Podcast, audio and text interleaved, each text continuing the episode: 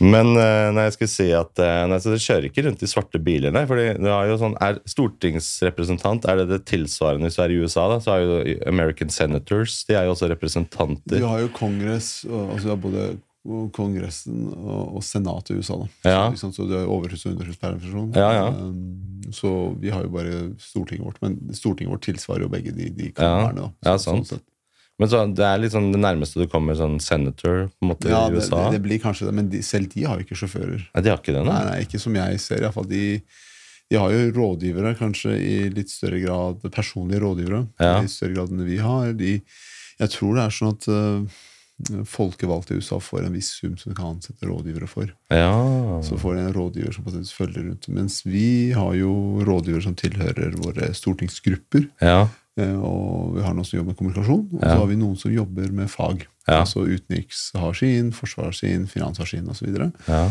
Um, og for å være litt sånn uh, ærlig på det, så i en sånn stort mm, sånn partigruppe som vi er i Høyre, så er det jo sånn at rådgiverne er til for uh, ledelsen i stor grad, skal være med og hjelpe de Ja, ja. Og, og, og, og skinne og gjøre det bra. ja. Vi får hjelp, vi, skal si, vi, vi som er uh, ja, plebsa, da, som jeg kaller oss. Vi får hjelp vi også hvis vi ber om det, men hovedfokuset er jo på å få sånn, de, de, de, øvre del av partiet og, og fraksjonslederne. ikke sant? ja. Så det er finanspolitisk talsperson, kommunalpolitisk, forsvarspolitisk. sant? Det er de som på sett og vis får kanskje mest glede av rådgiverne i, i, stor, i stort. da. ja. Um, og kommunikasjon jobber, jobber jo med, med det brede kommunikasjonen, både internt og altså, internt i partiet og eksternt. og sånn, så, Ja. så det er liksom litt sånn det er. Um, men i USA så har du din egen rådgiver? Som, Mm. som er med deg, men på godt og vondt. Ja. Uh, og, ja, Mm. med alt det medfører. Nå, jeg, nå, nå vet jeg veldig lite av amerikanske politiske systemer, jeg bare baserer meg på det jeg har fått høre. ja, ja. Men du har nettopp vært i Canada, du. Har vært ute og flydd og jetlag. Og... Hva er det du har gjort i Canada, egentlig? Vi har vært på det vi kaller for sommermøte i Organisasjonen for sikkerhet og samarbeid. Parlamentarikerforsamlingen der. Ja. Det er parlamentarikere eh, fra OSSE-landene, ikke alle, men noen utvalgte, møtes eh, for å diskutere resolusjoner, situasjonen og hvordan man skal på sett og tilnærme seg. Det det var over 200 stykker der. Eh, og da, det er sånn årlig, og i den organisasjonen der så velger man leder hvert år. Eh, og lederen sitter veldig sjelden mer enn to år, selv om det er årlige valg. ikke sant? Så det har vært eh, valg av leder eh, og nestledere og den typen ting. Men så har vi diskutert Jeg sitter i det som heter tredje komité, som jobber med demokratiutvikling og menneskerettigheter. Og Der har vi annet diskutert situasjonen i eh, Hviterussland, eller Belarus, som det heter om dagen, eh, og i Russland, Ukraina. Ikke minst demokratiutvikling i, i Organisasjonen for sikkerhet og samarbeid i Europa. Så vil noen som sitter og hører på dette, reagere på at vi har vært i Canada. Både USA og Canada er medlem av OSSE. Ja. Eh, og Mongolia, for så vidt. Ja, ja, ja, ja. Fant jeg ut. Men uh, shit, det er så mange temaer å komme inn på der. Men du nevner Belarus og Russland. og Vi kan jo ta, gå innom det der først. Hva tenker du om situasjonen der? og uh, jeg i det hele tatt? Er du veldig bekymra for situasjonen, eller hva, hva tenker du overordna om det? Ja, jeg, er bekymra for situasjonen. Altså det, det er mange fasetter der. Liksom. Det pågår jo en krig. Mm. Krigen i seg selv er bekymringsverdig. Eh, For jeg mener eh, helt eh, oppriktig at Ukraina blir det forsvaret vi har mot diverse tyrannier. Hvorfor eh, jeg sier det, må jeg altså få lov til å ut, ut, utbrodere litt. Eh, hvis Russland lykkes i Ukraina, eh, så er det egentlig et sånt klart signal til land som Iran og Kina på at det er å bare begynne å landgrabbe. eh, Ta til seg eh, landområder. Eller presse andre nasjoner til å fragi sin suverenitet. Eh, Det, det er liksom min, min, rundt det. Samtidig også En annen side av dette er hvis vi i Vesten, altså demokratiske Vesten, ikke støtter Ukraina, så sender vi også et klart signal til andre eh, si, unge demokratier på at vi ikke har tenkt å stå ved dem. Og det er farlig, for vi ser jo en, en sånn, hva skal man si, at demokratiene eh, mister litt fotfeste her og der. Unge demokratier spesielt gjør det. Eh, Vi ser også i, i mer satte demokratier at uh, valgdeltakelsen er lave. Uh, folks forståelse av demokratiske prosesser blir kanskje litt dårligere over tid. Eh, Så vi har, eh, det har også dette perspektivet. Hvis ikke vi støtter opp under Ukrainas kamp, så sender vi klare signal til unge demokratier eh, om hva, hvis de, hva som kommer til å skje hvis de blir utsatt for press. Spesielt væpna press. Ja, Det virker som også Putin eh, heller opp litt kaffe til deg. Ja, eh, eneste han respekterer, er på en måte råmakt. Eh, At det er litt sånn, det er det eneste språket han forstår. Da, Mm. sånn type autokrater og sånn. Så det, vi har jo prøvd masse dialog og diplomati. Og, men det virker som det funker ikke med sånn type folk. at det er bare, Enten så er du sterkest eller svakest, og det er det, er det som gjelder. det. Jeg, bruker, jeg hadde en sånn eh, Jeg kom i skade for å si noe ja, Ikke skade, jeg mener jo det, det jeg sa da på, på, for mange mange år siden. Um, så var jeg på et sånt uh, det, altså, det, sikkerhetspolitisk eh, kurs. altså jeg, på, Det var en del av krigsskoleutdanninga. Mm. Eh, Der vi på sett og vis kom eh, i samtale om det, og, gjensidig avhengighet, som vi snakka om da. Altså dette med at Så lenge landene er gjensidig avhengige av hverandre, så vil de også ville søke fred. da. Ja. Min tese da og fortsatt er at jo, eh, gjensidig avhengighet er bra for fred så lenge de landene eller eh, de som er avhengige av hverandre, også deler et felles mål. Mm. Eh, hvis eh, du vil den veien, og jeg vil den veien, så gjelder det ikke at vi er gjensidig avhengige av hverandre. Mm. Ja. For, og, og det gjelder også i sånn politisk eh, sfære. Så kan man jo sikkert snakke om det, hvor, hvor, altså stormaktsambisjon, altså stormaktene, da, for å bruke det ordet. Altså, vi har én supermakt, som er USA, men så har vi USA, som har en stormakt. Som, mm. som er en stormakt. Det er Russland, det er Kina. India til dels nå om dagen. Og, og kanskje andre afrikanske land som kommer til etter hvert. Har ambisjoner. eh, Har mål. Disse målene er ikke sammenfallende med våre. Og det å sitte og late som eh, vi alle er enige om alt mulig det er jo bare tøv. for å si Ja. sånn. Og det er der vi kanskje har feila altså i vurdering av Russland, mener jeg. Det er bare vurdert at Russland vil det samme som oss. Mm. Men eh, dersom vi mener at Vestens ideologi og Vestens levesett og Vestens tankesett eh, er dit alle skal, og russerne ikke er enig i det Og Ja. det er det jo neppe. For Ja, ja. Hvis, Vesten er det som altså Det er nullsumspill per definisjon. Ja. Fordi Hvis Vesten vokser og blir sterkere, så vil jo de se, de ser det som de blir svakere. Ja, nettopp. ikke sant? Og Det er en sånn feilslutt man, feilslutning man ofte gjør, at man tenker at uh, man kjenner andre på seg selv. At uh, de er sikkert akkurat som oss, vi er alle mennesker. og sånn. Det er en fin tanke, på en måte, men vi er forskjellige. Vi har forskjellig bakgrunn og forskjellige kulturer. og Noen har den der kulturen med at det er den sterkestes rett som rår, og det virker som det er kulturen i, i Russland. Jeg har også hørt sånne type eh, meninger eller analyser som sier at eh, dersom de hadde hatt et helt ordentlig demokratisk valg da, i Russland, så ville Putin eh, allikevel ha blitt valgt, fordi Ja, ja. russerne ønsker han. De ønsker en på en måte sterk leder det- eh, på den måten. Du, du er inne på noe vesentlig her, da, og det er dette med, dette med uh, forskjellige kulturers forståelse av verden. Mm.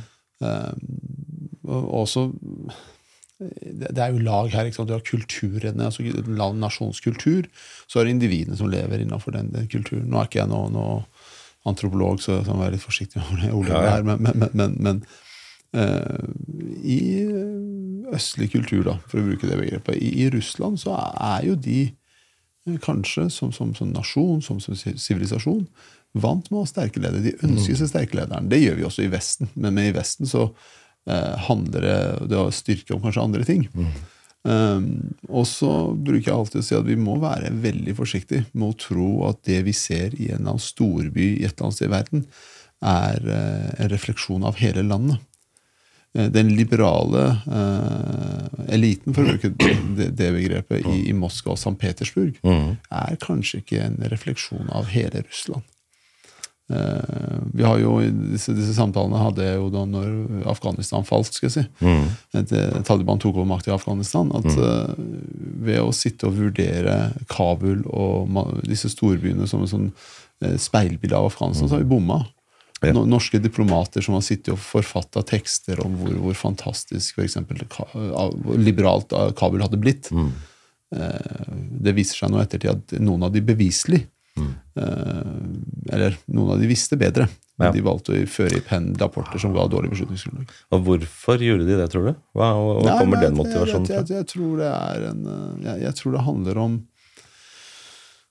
ja, for, for å ta en sammenligning, da. Hvorfor er det sånn at beklager, hvorfor er det sånn at vi, eh, vi bommer på at eh, Sovjetunionen kommer til å falle? Eller Berlinmuren kommer til å falle? Hvorfor bommer vi på at eh, Russland kommer til å invadere Ukraina? Hvor, hvorfor, altså Dette er profesjonelle analytikere som jobber i etterretningstjenestene våre, som har bomma på disse vurderingene. Hvorfor skjer det? Jo, fordi vi er alle Vi, vi setter en tese, opp en tese og, og, og prøver å bekrefte den tesen istedenfor å prøve å avkrefte den. Ja. Vi er mennesker som har biaser. Biasene leder oss inn i, inn, inn i veier og måter og tankesett. Og det er det jeg mener er eh, kanskje også problemet med, med forståelsen av, eh, av verden der ute. Så skal jeg være en av eh, Med Russland så har vi jo sett en utvikling i negativ retning lenge. Og, og det vises til en tale, nå husker jeg ikke årstallet, i en av Munich-München-konferansene, der det var veldig klart som ble som vannskille. Da. Der Putin veldig klart ga uttrykk for, for ambisjoner og målsettinger og hvor, hvor de ville. Um, og, og, igjen så er ikke det så overraskende at Russland eller Kina eller andre land, stormakter, vil, ha, vil ta plass. Spørsmålet er om vi skal akseptere at de tar den plassen ved, ved bruk av vold ved, ved, ved å invadere andre nasjoner, så er jo dette å kaste litt stein i glasshus. Det innser jo jeg også her jeg sitter. Mm. Ja, ja. ja men, det sånn, men, det er så rart at profesjonelle forskere og analytikere ikke gjenkjenner den der confirmation bias, den mm. bekreftelsesfeilslutningen i, i, seg selv. At de ikke er bevisst på den. Det burde jo på en måte være første bud. Pass på å ikke ha Altså Forskning skal være interesseløs. Du skal komme frem til et objektivt svar uavhengig av hva du ønsker selv personlig at skal bli svaret. Altså, forskere er også mennesker. Mm. Um, jeg har hørt at det er det. Hvem sier det? de, sier sånn. det er, ja, de er også mennesker. Ja. Blod, ja, det, er, ikke måte på. Men de er jo også mennesker. ikke sant? Og, uh, og, og det, det, der er det også noen interessante feller og utfordringer. ikke sant? Mm. Um, hvem er, altså, Jeg vil nå tro innenfor forskningsmiljøene Vi ser på Matlari, mm. Matlari som er veldig uh, realpolitisk orientert. Uh, for så vidt en, en tenker jeg er veldig begeistra for. Eh, og ganske enig med i vurderingene, så eh, tenker, hadde hun nok sett noe annet enn den andre. Men, men eh, hvem som på sett og vis danner bildet, altså det offentlige bildet, er ikke alltid, altså det er ikke alltid like vektig. Mm. Fordi hvis jeg som journalist foretrekker eller tenker sånn, så er det lettere å akseptere dette og bruke det som en faktagrunnlag til tider. Mm. Uh, igjen, vi er mennesker. Vi, vi tar beslutninger. Vi, tar, vi har confirmation bias, vi tar feilslutninger osv. Men uh, så, så, så, så det er, hvorfor ender vi opp at vi ikke Men det, det er jo fordi vi, vi ser verden fra det, de ståstedet det ståsted vi har. Det er for så vidt en uh, interessant bok som tar for seg det de kaller for etterretnings intelligence failure. Mm -hmm. Hvor, hvorfor feiler etterretning? Og da tar vi seg to, Dette er gammel, gammel bok. Da de tar for seg to konkrete caser. Da var det hvorfor uh, så ikke Vesten at Iran kom til å falle? Ja. Altså iranske monarki kom til å falle, Iran kom til å bli statsrepublikk. Og hvorfor så man ikke fallet av Saigon? Mm. Det er disse to tilfellene. Og det er liksom, For de som er interessert i sånt, kan du liksom se på det på, på, hvor mange lag det er. ikke sant? Der analytikeren ser noe, melder opp, beslutningstakeren nekter, altså vil ikke godkjenne det, kommer tilbake, så analytikeren tilpasser seg beslutningstakerens uh, virkelighetsforståelse, og så ender opp om at du ikke forstår hva som har skjedd. Ja, jeg hørte et sånt uttrykk som heter at uh, mennesker har ikke ideer, det er ideene som har menneskene. Ja, ja det, det, er ganske interessant. mm, det er um, Fordi de er sterke vet, hvis man har en overbevisning og et narrativ som man vil holde seg til, og ønskedrømmer mm. og utopi og, mm. og kanskje frykt også. Sånn som med Russland, tenker jeg at, at uh, forskere, sikkert etterretning også, har jo vi har jo en frykt for hva dette i verste fall kan ende opp i. Men vi har ikke lyst til å lage noen prognoser som sier at det er sannsynlig. Ja. måtte være redde for det. Og så tenker jeg, i hvert fall som jeg har jobba litt med denne typen analyser over tid, så, så, er det ikke sånn at du setter opp ett scenario. Du setter opp flere scenarioer. Mm. Uh, pros og cons på scenarioene, hva som er hva, mm. uh, hvordan ting skal være. og sånn også så er det kanskje én av tre, én av fire scenarioer eller fire tilnærminger som, som fanger. Mm. Vi brukte, i, jeg, da, da, jeg på en måte drev med militær operasjonsplanlegging, så, så opererer vi med det som kan være fiendens mest farlige og fiendens mest sannsynlige handlemåte. Det farligste er kanskje det minst sannsynlige, men har størst konsekvens. Mm. Og så har du det som er eh, mest sannsynlig, som kanskje ikke har størst konsekvens, men det er i fall det som du tror kommer til å skje. Så kan du lage noen andre hybrider imellom, altså to, en til to til, da, for mm. å danne, danne beslutningsgrunnlag og vite hva han skal gjøre. Uh, og ta neste steg som militær operasjon. Men det gjelder jo, det, det gjelder jo også kanskje til dels innenfor politikken. Burde iallfall gjelde innenfor politikken. Mm. Um, men, men uh, Russland, uh, Russlands ambisjoner som stormakt det ser vi jo en effekt i, Ukraina. Ja. Og hvor langt de er villige til å gå. Eh, og det var vel en sånn undersøkelse som ble gjort her, eh, mener jeg. Det, det, det, jo, nei, det var ikke undersøkelse. Ja, jeg, det var noen forskere som la fram noen, noen eh, rapporter under det oppholdet mitt i Vancouver. Der vi hadde en sånn sak, diskusjon om Ukraina. Det er en sånn som vi kaller side event. da, Mm -hmm Om Ukraina. Der det kom fram at bare 70% av befolkningen i Russland de, de støtter krigen. Mm. Det var i hvert fall, Nå husker jeg ikke tallet eksakt, det kan hende jeg tar feil på, på eksakte tall der. Eh, og det, Da vil jeg også si at disse 70% kanskje også anser det som sånn sånn- i- om, Altså støtter krigen, ikke anser den for å være så farlig osv., altså ikke være så ille osv. Eh, men det er ganske mange i Russland som kanskje også opplever eh, denne krigen som en eksistensiell krig. Mm. Og har kjøpt inn i den ideologien og tanke, den, den tankesettet, da, ikke ideologien, tankesettet rundt det, som også gjør det litt skremmende. Litt bekymringsverdig. Mm. Jo, men tenker du da at det er av at de er eh, la oss si, eh, anførselstegn hjernevaska, eller er det fordi de ikke får noe annen input fra internasjonale medier, eller er det fordi kulturen er sånn at de faktisk liker og de støtter på, på ekte Putin og, og styresett, eller er det en blanding av alt sammen? Ja, det, det, Jeg vet ikke. Det eneste jeg vet, er at ukrainerne har jo satt opp en uh, egen satellitt-TV-kanal. Der Ja. de sender nyheter på russisk Ah. i, i Russland. Mhm. Det er satt opp eh, eh, digitale altså YouTube-kanaler og diverse for, for å kommunisere med russiske befolkninga og få informasjon ut.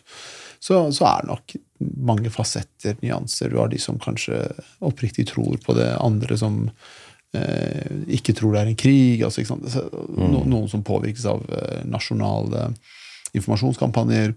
Andre som eh, helt uavhengige informasjonskampanjer er ultranasjonalister. Mm. Eh, og Russland er jo kanskje et mer konservativt land enn- enn mange vestlige land. Mm. Kanskje, kanskje mer patri patriotiske enn det enn mange vestlige land er. Mm. Ikke Russland, men russerne er Ja, kanskje ja. mer patriotiske enn masse, mange vestlige er. Eh, og, og, og har noen tanker, altså ideer og tanker rundt det. Men det, det som du spurte om, det skremmer meg. Det er der vi starta. Det som kanskje skremmer meg aller mest, Henrik, er eh, den, skal si, den der trekanten Russland, Kina, Iran. Den største militære sponsoren av Russlands krig i Ukraina, det er Iran. Er det det? Ja? De leverer Den bombinga som var i Kiev her om dagen Dronene som de ble brukt, er iranske. Aha. Missilene Russland har begynt å bruke, er iranske. Iranske eksperter fra revolusjonsgarden står på bakken. En, et annet land som støtter det, er jo Irans eh, proxy, Syria, som har soldater på bakken i Ukraina, sies det. Ikke sant? Så, så du, du, du har altså denne trentiteten, eller denne trekanten, det, det trepartssamarbeidet, kall det gjerne det, da. Eh, Det er det som skremmer meg. Eh, Fordi om Russland lykkes Ukraina, eller får lov til å lykkes Ukraina, det er vel det det handler om, eh, så vil også Iran se sitt snitt til å lykkes i Midtøsten. Iran som en islamistisk nasjon, eh, og ikke iranske folket, men republikken, islamske republikken Iran, har ett mål, og det er å spre revolusjon. Den islamske, iranske islamske revolusjonen skal spres. Man har lyktes med å få på med seg Hizbollah i Sør-Libanon. Vi ser jo den konflikten som nå pågår mellom Israel og, og Hizbollah. Syria har de fått som en proxy. De har, de, jeg så noen tall, de påvirker jo. Jeg tror det er en tredel eh, av stemmene i det irakiske, irakiske parlamentet er direkte støttende. Eh, det støtta av iranske, eh, iranske republikken. Jemen har vært involvert i. De forstyrrer olje- og gassflyten ut gjennom Perskegulfen. Det så vi for noen år siden der de på en måte til og med gikk og satte miner på, på norske eide skip. Afghanistan. Iran står i konflikt med Taliban over vannrettigheter. Så da, da, da har vi det iranske, altså Iran som, som nasjon, og hvordan de påvirker. Og dette er bare det de gjør i Midtøsten.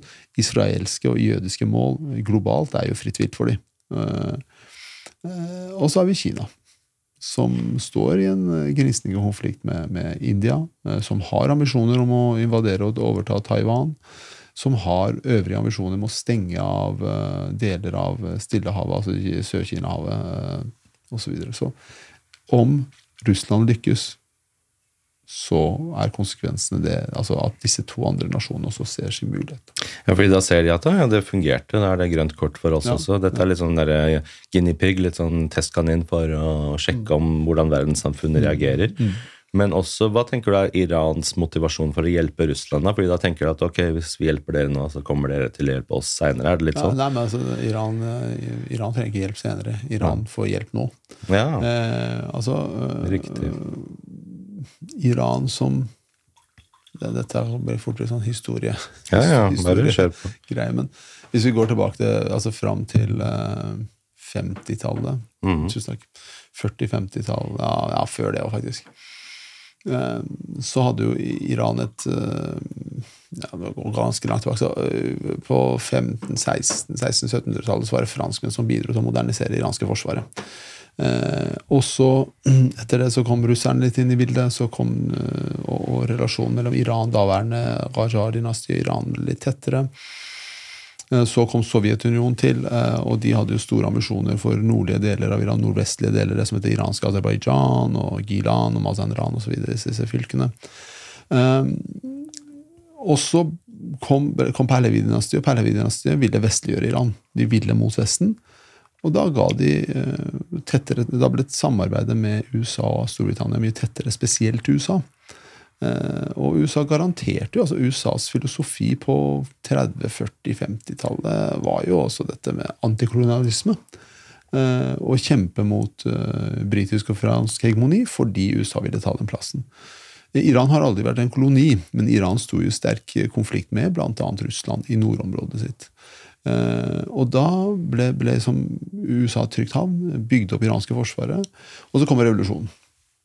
Og etter revolusjonen og de handlingene som iranske republikken og de, de si, litt vel uh, initiativrike islamistene i Iran valgte å gjøre med å annet eh, ta amerikanske gisler uh, i den amerikanske ambassaden, uh, angrepene på Marine Barracks, altså marinehovedkvarteret i, eller militærleiren i Beirut. Dette her skapte en vanvittig avstand mellom Iran og USA, og, og Iran ble stående etter hvert, altså et, et år etter krigen, ble Iran stående i en langvarig krig med, med Irak, som varte i åtte år. Um, og da ble Iran avhengig av å få inn våpen og utstyr og materiell og know-how. Da var Russland løsninga.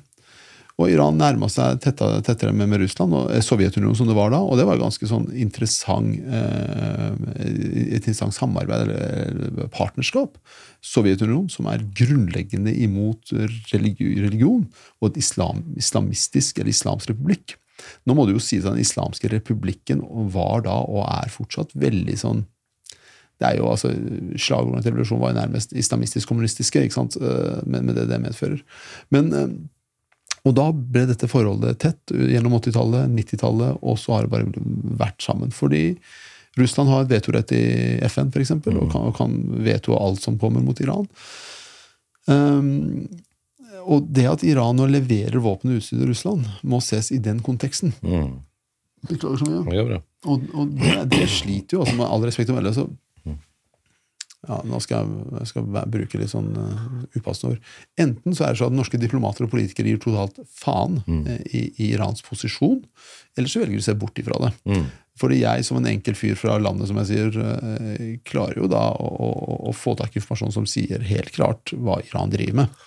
Det vet jo også norske diplomater som inviterer iranske delegasjoner til Norge Ja. på, på fred- og forsoningssamtaler.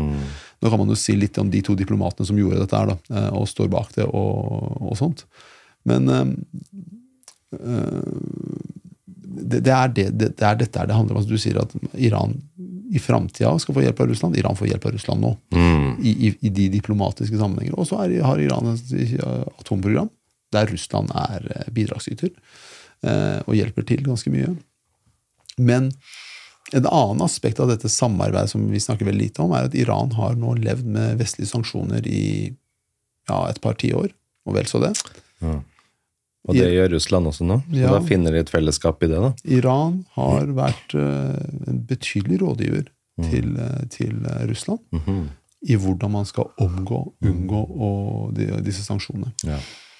Eh, og, og, og russiske økonomien er betydelig større enn den iranske. Eh, men de har også tilgang til veldig mye kritiske råvarer og innsatsfaktorer som, som trengs. Så de har sånn økonomisk samarbeid i tillegg? Da blir det sånn at vi trenger ikke Vesten, nei, vi har hverandre, nei, vi har kompisene våre. Ja. Lager vi vår egen lille union her og mm. Ja vel. Så, mm, så der har du liksom disse perspektivene rundt Iran-Russland-samarbeidet. Mm. Eh, og begge land, altså på, på styresettnivå, mm. er jo uh, konservative, nasjonalistiske, uh, på sett og vis. Uh, og det er jo, Men det som gjør dette, dette, dette trepartssamarbeidet med Kina interessant, det er jo at Kina Kina er jo ikke et sånt veldig konser... Altså de, de, er, de, er, verdimessig, kulturmessig, kulturelt konservative, da. Ja. Eh, kan jeg tro. Nå vet jeg veldig lite om Kina, men, men eh, de finner også sin plass her, for de har, altså, de har jo tett samarbeid med Iran. Mm. Eh, har hatt i mange år. De har det. Hva slags samarbeid da? Vet man det? Ja, nei, Det er jo veldig klart. Altså, Iran har jo, når Iran Ikke når Irans olje produkter, f.eks. Eh, olje, ikke oljeprodukter, men olje, tungolje i Iran, den, den, sendes jo selges eh, på det svarte markedet til, til Kina. Kina mhm. kjøper det, raffinerer og bruker det. Eh, Kina har henta mineraler fra Iran de eh, bruker iranske, altså tilgang til iranske markedet. Selv om det ikke er så stort, så er det et marked. Og så er Iran en strategisk eh, beliggenhet. Den strategiske beliggenheten til Iran ligger nok i, i samarbeid, må ses i sammenheng med til Belt and Road-greiene, der man på en måte skal bygge sammenhengende jernbane- og veinett fra Kina til Europa. Så er jo det stranda litt da pga. covid da, som skjedde der, men samtidig så er det interessant eh, at det er der. Og ja, det, det, det, Iran har den posisjonen det har rent, eh, rent, geografisk. Eh, en annen del av det er jo um, Nå datt jeg litt ut på Det er en annen uh, tilnærming her, der uh, Iran også er gode på teknologiutvikling av allting ting i verden. Ja. Iran har en av verdens mest kapable cyberhærer. Og da snakker jeg ikke om sånn 50 på topp, da snakker jeg om USA, Russland, Kina og Iran. Oi. Og Israel er som disse fem. Oi. Kapable cyberhærer. Eh, så har den iranske cyberhæren ganske bra sans for humor, eh, men, men, de har jo på en måte valgt navn som eh, peker tilbake på historiske hendelser der USA har vært involvert i Irans politikk og sånne ting. Mm. Jeg vet ikke om du har hørt om um, Operasjon Ajax?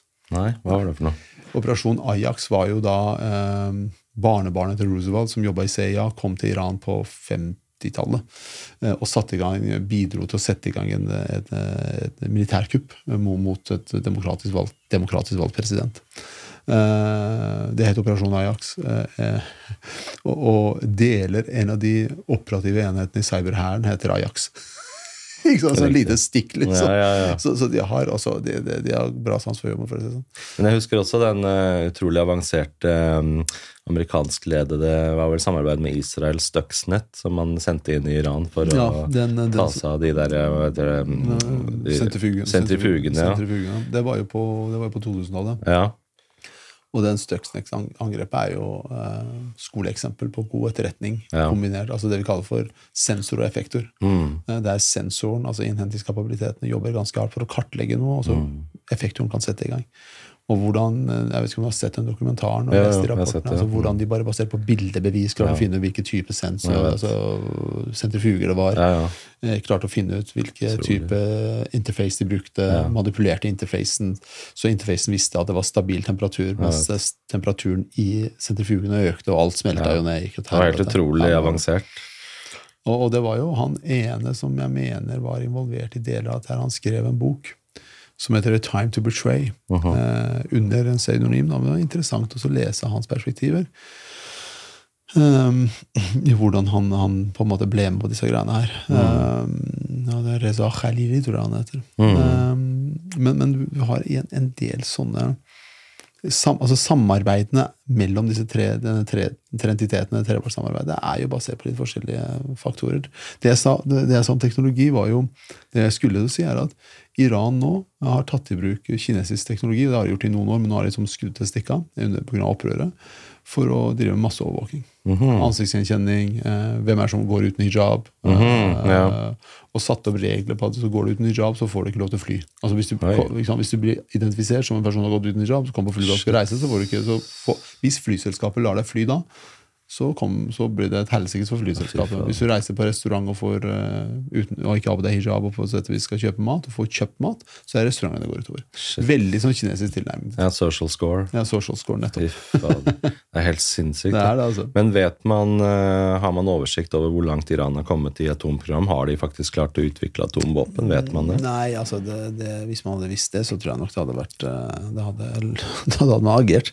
Men, hadde men, Hva, hvordan hadde man agert da, tror du? Hva blir hypotetiske situasjonen da? um, nå skal jeg være litt sånn forsiktig med Mm. hva, Jo, jo. hva jeg sier her. Men, men jeg tror nok man hadde Hvis jeg skal tenke litt høyt, så hadde, Mm. så hadde man gjort det man kunne for å mm, Altså, et atomvåpen, ta det først, er jo Mm. todelt. Ja. Du må først ha ladninga, altså selve stridshodet, og så må du ha leveringsmekanismen. Ja. Ikke sant? Så du må ha begge to. Det ene uten det andre fungerer ikke så bra. Da ender du med å få skitten bombe. og ikke sant? Så da er det det å på sett og vis påvirke leveringsmetodene som kan være det beste. Mhm. Det beste er egentlig å forebygge at du får utvikla stridshode, eller innhold i stridshodet. Eh, Men eh, eh, da vil man jo på sett og vis sett på hvordan Hvis, hvis stridshodet er ferdigutvikla, så må man begynne å påvirke leveringsmetodene. Men la oss si gitt at situasjonen er at de har begge deler. da. De har utviklet det. Alt Og de er har, de har, jo- de har, de har, de har leveringsmetodene har de jo. Ja, ja. Så la oss si at de har kommet hit at de har fungerende atomvåpen som de kan sende ut hvor de vil. Hva, hvordan hadde Vesten reagert da, tror du? Nei, altså det, det nærmeste målet til, til eh, det, det, store målet for, for eh, Iran er jo Israel. Mm. Eh, man kan filosofere i, tenke seg, at eh, kanskje Iran hadde levert eh, kortdistansevåpen eh, til sine proxyer i Syria, Libanon og Palestina. Eh, det som er bra, er at Israel har eh, Iron Dome, Ja. som, stopper det meste. Eh, men det er jo altså snakk om kvantum. ikke sant? Hvis, hvor mange tusen droner la oss si droner med, med den typen last kan du sende av gårde før, eh, før eh, en slipper igjen? Ja, ja. Og, for et land som Israel så er det katastrofe. Ja, ja. Men hadde vi liksom akseptert det som Vesten? Hadde vi bare sittet og sett på at ja, ja, nå har Iran atomvåpen? Nei, jeg tror ikke vi hadde gjort det. Og du ser jo, du, Hvis vi går tilbake et par år, så, så gikk jo Iran inn. Eller Ira- Iran gjorde ikke det, men eh, Israel har vært helt ærlig på at de har gått inn og, og påvirka atomprogrammet Mm, ganske riktig. kraftig. Med, med det vi kaller for kinetisk påvirkningsevne. Ja, altså tatt livet av folk og påvirka Irans produksjonskapasitet. Stuxnet er jo en del av det, Ja. men andre ting også. Um, og det mener jeg er godt innafor. Og grunnen til at jeg mener at Iran ikke burde ha kjernefysiske våpen, er fordi uh, prestestyret i Iran ikke, Det fins ikke noe sånn accountability, for å si det sånn. Det er ingen, ingen som holdes ansvarlig for ting. Nei, nei. Eh, Og det iranske prestestyret bryr seg ingenting om det iranske folket. Mhm. Så om de kan eh, oppnå denne, dette politiske målet eh, om, om, om å på en måte tilintetgjøre Israel, Mhm. så er de villige til å ofre det iranske folket for det. Ja, Og det ser vi jo nå. Ikke sant? det er riktig. Eh, Det, det, er ikke noe sånn, det er ikke noe sånn bankende hjerte for iranske folks ve og vel. Ja. Eh, Men hvor kommer det der hatet mot liksom Israel fra Irans side? Hvorfor? Nei, det er det jo- der Du for må noe? sånn igjen tilbake til historien. Da, ikke sant? Um, um, det er jo en god gammeldags islamisme i det. Mm. Uh, men det er også et annet perspektiv her. Når revolusjonen uh, før, før revolusjonen ble sånn fullkomment da, på, 70, på, på slutten av 70-tallet, så reiste jo uh, og det finnes det noe sånn skriftlig bevis på, selv om det er dårlig dokumentert, at uh, deler av de mest hardcore revolusjonære reiste til PLO og fikk våpentrening og fikk støtte. Um, og, det er denne klassiske is, muslimske, islamistiske tilnærmingen til at uh, Israel ikke har uh, altså jødene og Israel ikke har eksistensrett fordi de har okkupert Palestinas område. Men samtidig så er det ingen som sier at vel, det er jo andre land i Midtøsten som også har tatt litt av det som het gamle det palestinske mandatet da, til, til britene i Jordan, for å nevne en, har jo gjort det. Eh, og, det er denne, denne historiske Ikke forfalskningen, men, men eh, snever forståelse av historie på at vel, det var jo en betydelig andel eh, arabiske ledere i dagens Jordan, Syria og Israel som var med på disse avtalene. Mm. Som på sett og vis var enig i det. Uh, og, og, og kampen som ble da stående mellom Frankrike og England på, om også fordeling og den typen ting, er jo også godt dokumentert. Du har en bok som heter er det Line in the Sand den heter? Ja, det er det. Line in the Sand, Som beskriver denne konflikten. da, eh, Og hvordan dette, dette, dette Frankrike og England hvordan de sto uh, i varm konflikt da, eh, med proxier i, i, i denne, dette området, samtidig som de drev og kjempa mot uh, diverse altså nazistene i Europa, f.eks. Det er mest pga. Israel-Palestina, liksom territoriekonflikten, eller er det også religiøse konflikter mellom islam og jødedom? Ja, det, det er det jo. Det, det, er det jo også, ikke sant. Og, og, og nå, nå uh, Hvis man ser på uh, islam som religion, mm. Eh, så har jo islam vært veldig ekspansjonistisk. Mm. Eh, man har bl.a. en del regler rundt beskatning som nettopp er tiltenkt at hvis du bare konverterer til islam, så slipper du å beskattes. Kristne og jøder hadde bl.a. denne, denne, denne ja. ble jo påført denne skatten. Eh, denne skatten så du ikke i Perserriket. Det bodde jo jøder og, og kristne i Perserriket også. Men det så du ikke da. ikke sant? Eller, eller Kristne bodde jo ikke i så stor grad, men jøder bodde, var de på, i Perserriket. Um, og, og, det er denne ekspansjonismen som, som gjør det litt, uh, litt problematisk. Så har du denne hendelsen ved Kheiber, der man på sett og vis uh, går ut for å, for å, jage jødene av gårde, uh, som er da helt i sped start av, av islam. Um, hvor mye altså, altså bruker jeg alltid å si hvor mye forstår unge muslimer i dag av denne forakten. Hvor mye av det er basert på Palestina, hvor mye av det er begrunnet i religiøse tekster. Ja da, Det er en balansegang, og man må sånn se nærmere på sånn og slik, men det er ikke til å legge skjul på at mye av antisemittismen i Vesten eh, kommer fra eh, muslimske minoritetsgrupper. Mm. Eh, når man hører altså, sånn økning i skjellsord som 'jævla jøde' og sånt, så, så er det jo det, det er jo denne gruppa som står for det, så er ikke kanskje alt det som er like sånn heartfelt og like sånn blir bare ord, liksom? Bare ord, men, men, men, men, det er jo der det er. Ja, ja. Um, og jeg vil nå også uh, Det er vanskelig å gøye, altså måle hvor mye av det er basert på religiøse tekster, og hvor mye av det er basert på Palestina og Israel. Men, mm. hvis konflikten var mellom Israel og Palestina, hvis det var det det gjaldt, Israel og Palestina, så hadde man ikke sett uh, jøde, altså dette, dette, forakten for jøder i, i Frankrike, f.eks. Ja, som liksom, mm. økning i antisemittisme, som også var et møte, et tema når vi var i Vancouver nå. Mm. Økning i antisemittisme. Uh, og, vi, og, så er det litt sånn i Norge, da. Du har jo enkelte aktører for å bruke det begrepet, som prøver å spille det ned. Mm -hmm. Det syns jo ikke jeg er så lurt, fordi jeg mener at uh, jødene er kanarifuglene i, ja. i, i, det buret vi har. Mm. Eh, hvis, hvis jøden, når jødene i Europa, og ikke når eh, Vi ser jødene i Europa, de er under press. Mm. Eh, de tør ikke å gi uttrykk for det er For noen år siden så var det vel klart de tør ikke å gi uttrykk for at de er jøder. Mm. De, de gjemmer seg. Uh, av frykt for, for represalier, uh, altså, hatefulle ytringer. Hatefulle ytringer har jo et veldig problematisk begrep. Mm, ja, det må vi også inn på men, men, men, denne typen så, så, så, så, sier ikke uttrykk for det. Og, og, da er det helt, for meg da blir det sånn helt irrelevant om det er fordi det er Palestina ja, ja. Eller om det, det er en gruppe som driver og jager en annen gruppe. Da må vi stå på, på den eh, Da mener jeg det er vår plikt å stå på jødenes side. Ja. Og så prøver andre minoritetsgrupper å fortelle oss at ja, men de blir jo også jaga. Men mm. ja men, men, la oss si det sånn, da Hvis det er sånn at muslimer også føler en viss, opplever muslimhat, som, de, som det heter nå om dagen, da, eh, så må vi jo ta tak i det. Men når det er muslimer som ikke muslimer, alle muslimer, men det er muslimske minoritetsgrupper som utsetter jødene for, for, eh, for, for, for følge, eller sånn, en form for uh, hat, da.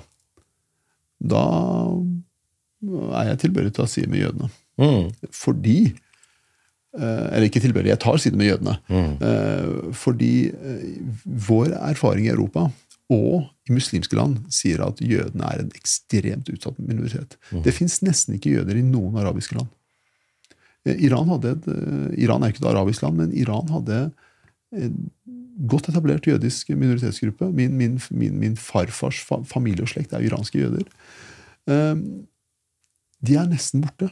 En tidligere israelsk ambassadør i Norge han hadde jo vokst opp i Iran. En tidligere var det president eller, i, i, i Israel. Han var født i Iran. Eh, og, og- de er borte. Du ser det ikke. Det er en bitte liten minoritet på noen tusen som er der.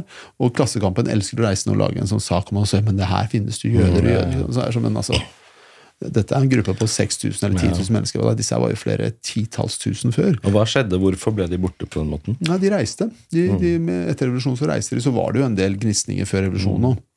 Når man leser de historiske faktorene, så var det sånn Det, det israelske handelskammeret i Iran, eh, eller jødiske handelskammeret, de, de torde ikke gi uttrykk for, for, for at de var, de var, var anonyme kontorer og tildekt og sånn. Og det er litt trist, fordi hvis man går tilbake til den første perserkongen, da, eh, Sirus, så var Sirus eh, på en måte altså, han som kom til Babylon, så så jødenes kår og ga de Israel. da, eh, Og sa at dette, dette landet er deres. Jødene i persisk historie har hatt en, en plass. Har vært en del av samfunnet. Mm.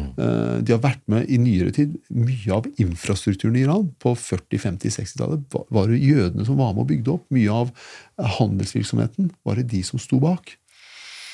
Så er de borte, med alt det det medfører. Eh, og, denne, denne forakten, som du sier altså, eh, Hvis man går tilbake til før revolusjonen, så var jo nok det mye sånn god gammeldags antisemittisme. Mm. I deler av det iranske samfunnet. I nyere tid så har jo denne, denne iranske staten har jo på en måte eh, statliggjort det. da. Mm. Hva tenker du antisemittisme kommer av, egentlig? Hva er kjernen i antisemittisme i seg selv? Nei, nå spør du vanskelig. Jeg liker å spørre vanskelig. Men, men, men altså det, det, det bunner jo i disse kjente konspirasjonsteoriene. ikke sant? Om at Ja. jødene skal overta verden og Ja, ja. makt og, og Space lasers. ja, ja, sånne ting. ikke sant? Eh, Ja. Ja, men, men det er jo det er mye rart der ute. Jeg orker ikke å forholde meg til det mye av det. Men det, det blir sånn min, og det, det som kommer tilbake til at eh, min elendighet, Ja. den elendigheten jeg opplever, det må jo skyldes Ja, noe. ja, ja, Og det ja, ja. skyldes disse der. Og det Ja. ser vi i visse grupper i samfunnet i Norge òg. Med all respekt å melde, eh, så er det sånn at din elendighet trenger ikke være påført deg av andre. Det Eh, For da ser du verden som en sånn nullsumgreie. Eh, Det, det, og, og du fratar deg selv makta til å endre livet ditt. Ja, autonomi og si at vet du hva, de problemene jeg har, de er faktisk skapt av meg. Det betyr også at jeg kan gjøre noe med Ja, om, om, ikke, om ikke bare skapt av deg, men det er iallfall du som kan gjøre noe med Ja, dem. ja, ja. Ikke sant? Ikke sant? Begynne med seg selv. Begynne med deg selv. Eh, og det sier jeg til ungene mine òg. hva er det du kan påvirke? Mm. Begynn med det. Ja, Sirkel av innflytelse. Ja, ikke sant? Hva kan du påvirke? Altså, hvis det er sånn at du er misfornøyd med, med, med, med idrettsmessige resultater, da, så er det bare å begynne å jobbe. da. Ja. Eh, Og Det er ikke alle som har samme forutsetninger, men Mm. alle har en evne mulighet til å, til å gjøre en innsats. Ikke skylde på de som er bedre for at jeg er dårlig. Ja, ja. Mm. han er, han er? Igjen, så, så hvis vi ser på det i den konteksten her, så er det ikke nullsum. For da, alle har jo uendelig med potensial. Mm. Ja. De, men det betyr at hvis du har kjempefotballtalent, og jeg, jeg, og jeg har ingen fotballtalent, har jeg aldri hatt, så betyr det at jeg må jobbe betydelig mer enn deg. Mm. eh, for å på en måte komme på samme nivå, eller i nær, nærheten av det. Mm. Men det jeg da gjør også, er at jeg lærer å jobbe. Ja, ja. Mens du med talentet ditt slipper, så lærer jeg å jobbe. På et eller annet tidspunkt så møtes vi, krysser vi hverandre. Mm. Eh, og hva skjer? Jo, for jeg har vært vant med å jobbe. Jobbe mange timer hver dag for å komme til et visst nivå, mens du har flytt på, på, på, på talent, da, for å si det sånn.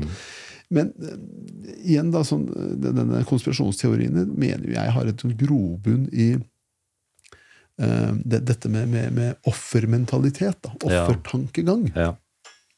Og det er eh, litt, litt av, eh, litt av utfordringa mi.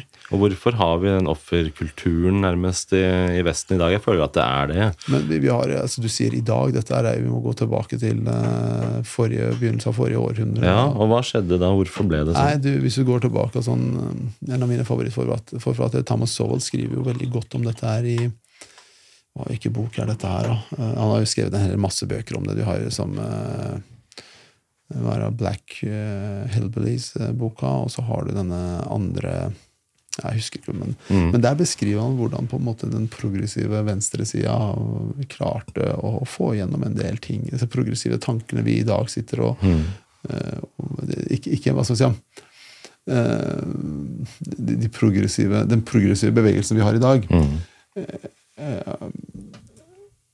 har jo henta noen av ideene sine fra 40-, 30-, 40-, 50-tallet ja. og derfra. Og Sowell viser jo veldig klart Han er jo veldig glad i tall. viser jo at altså, økonomisk vekst for afroamerikanske familier var kanskje bedre i tidlig til, til, midten av forrige århundre enn, enn det var etter det. Mm. av diverse grunner. så kan vi diskutere mye rundt det. da. men, men jeg tror denne offermentaliteten nå skal jeg prøve å være litt sånn uh, hyggelig da og si at mm. jeg tror man egentlig vil hjelpe andre mennesker. Mm. Men det man gjør, er at man skaper et klient uh, ma ma master-klientforhold, for å si det sånn. Der jeg som de, de, den godhjerta menneske, det godhjerta mennesket jeg er, skal redde deg som er et offer. Og da må ja. jeg først ha, altså, ha, deg som offer. da. God gammeldags overbeskyttende forelder. Ja, ja, syr puter under armene. Og, og, foreldre har jo genetisk, uh, genetisk interesse av å bevare mm. det, mens andre ikke har altså, uh, Av og til når jeg hører disse uh, menneskene som sikkert mener godt så, så, som skal sånn, beskytte minoriteter i Norge, mm. altså mm. innvandrergrupper, så tenker jeg at vel, det er kanskje ikke helt sånn det er. For gjennom den, den retorikken, den tilnærmingen, så skaper man flere ofre. Ja, og er det egentlig beskyttelse de trenger? Trenger de ikke oppfordring, oppmuntring ja. like, like, mye? Ja, ikke sant? og det, det er den oppfordringa og oppmuntringa jeg, jeg, er opptatt av. Også, mm. Jeg mener det er viktig å fortelle folk mm. at de som individer, med, med de verktøyene de har, kan komme ganske langt å lykkes. Og så er det sånn eh, at uten et nettverk, uten folk som vil deg vel, så kommer du ingen vei. Mm. Men jeg tviler på at enkelte av disse organisasjonene som står der ute og alltid skriker høyest om all elendighet for, for minoriteter, mm. i utgangspunktet er så veldig opptatt av at alle disse menneskene skal lykkes. Mm. Ikke sant? Vi snakker hele tiden, Det som er ganske interessant, det er sånn statistisk sett da, vi snakker hele tiden om at ja, innvandrere er Eh, er de som utgjør en stor andel av de fattigste i Norge. Ja, over en 20-årsperiode så, så, ligger de i statistikken der. Men mange altså, si, Selv om det absolutte tallet kan være 100 000, så er det ikke de 100 000 samme menneskene som er i, den, i, den, i, det, i det tall, mm. tallgrunnlaget der. Mm. De beveger seg ut, så kommer det nye inn. Ja. Hva sier det at de beveger seg ut? Det sier at vi har et samfunn som legger opp til sosial mobilitet. Mm. Økonomisk mobilitet. Og det sier, også, det sier, seg selv da at disse menneskene som var her nede, de, blant de fattigste, eller de som hadde minst inntekt, har av det samfunnet vi har, klart å bevege seg ut og det, komme seg litt høyere opp på, på den økonomiske rangstigen. Da vil jeg også si at det er muligheter for alle. Og det er muligheter for alle vi er ute etter. Og det er der også denne, denne, denne progressive bevegelsen fra forrige, tidlig forrige århundre og til nå, og kanskje kommunisme og sosialisme til dels eh, bygger på, det er ikke muligheten til å lykkes, men det er at alle skal lykkes på samme måte. Mm, ja, ja. Alle skal oppnå samme resultat. Resultatlikhet. Resultatlikhet, mm. Som er forferdelig urettferdig. Ja, Det er jo kommunisme i praksis. Ja, og, ja, og det er helt altså, du, du, Nå blir det veldig politisk her. Jeg jo, hører politikere på, på Stortinget. Så, mm. så blir det sånn Hvorfor skal du uh, gjennom, bruke skolesystemet til å skape resultatlikhet? Hvis du er flink i matematikk, mm. og jeg er flink i gym, mm.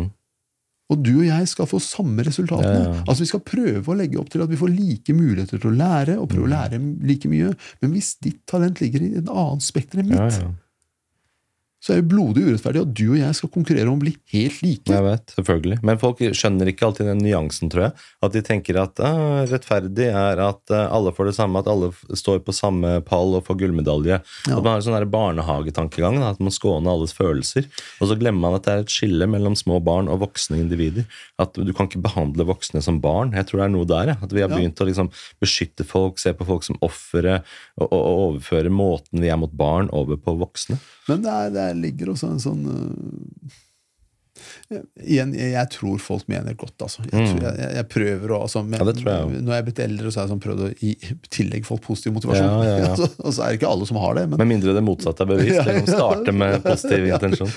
Mm. Prøve på det. Mm. Uh, så tror jeg folk mener godt. Mm. Samtidig så tror jeg vi som mennesker er opptatt av Igjen tilbake til disse bias-greiene mm. og, og, og, sånt. At, at vår forståelse av verden også stemmer. Ja. Uh, og da prøver vi på en måte å forsterke det, og at vi også har et samfunnsnytte som individ. Mm. Og i fall, Hvis jeg leder en organisasjon, så er en organisasjon samfunnsnytte. Ja, ja.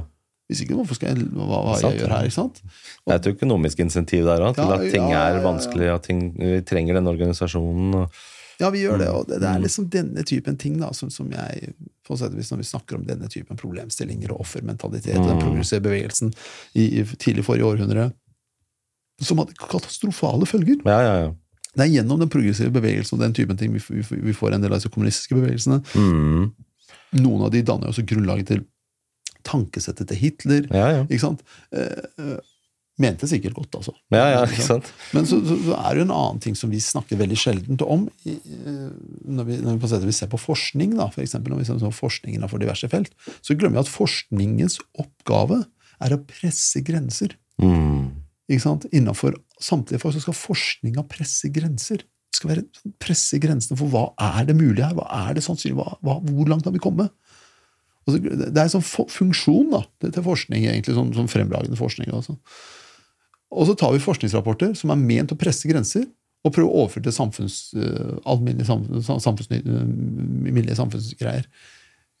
Det er ikke så lurt. ikke sant? Eh, Sånn fringe theory på, på, på, på, på, på kritisk rasetenkning. Ja, ja, ja. Det, det er ment som en sånn helt ytterste av det du kan få av forskning.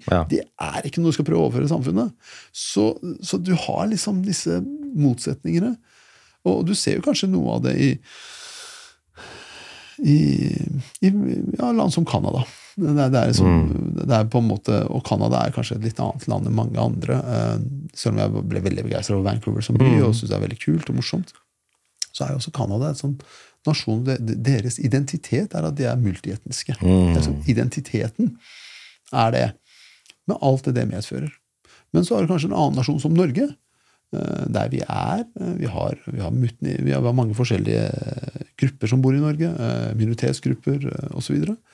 Men vi, vi har en litt lengre historie. En, en helt, altså no, Norge som nasjon og nordmenn som folk har jo bodd her i ekstremt mye lenger tid enn de, altså, enn- enn den kanan, moderne kanadiske nasjonen. Med alt det det medfører.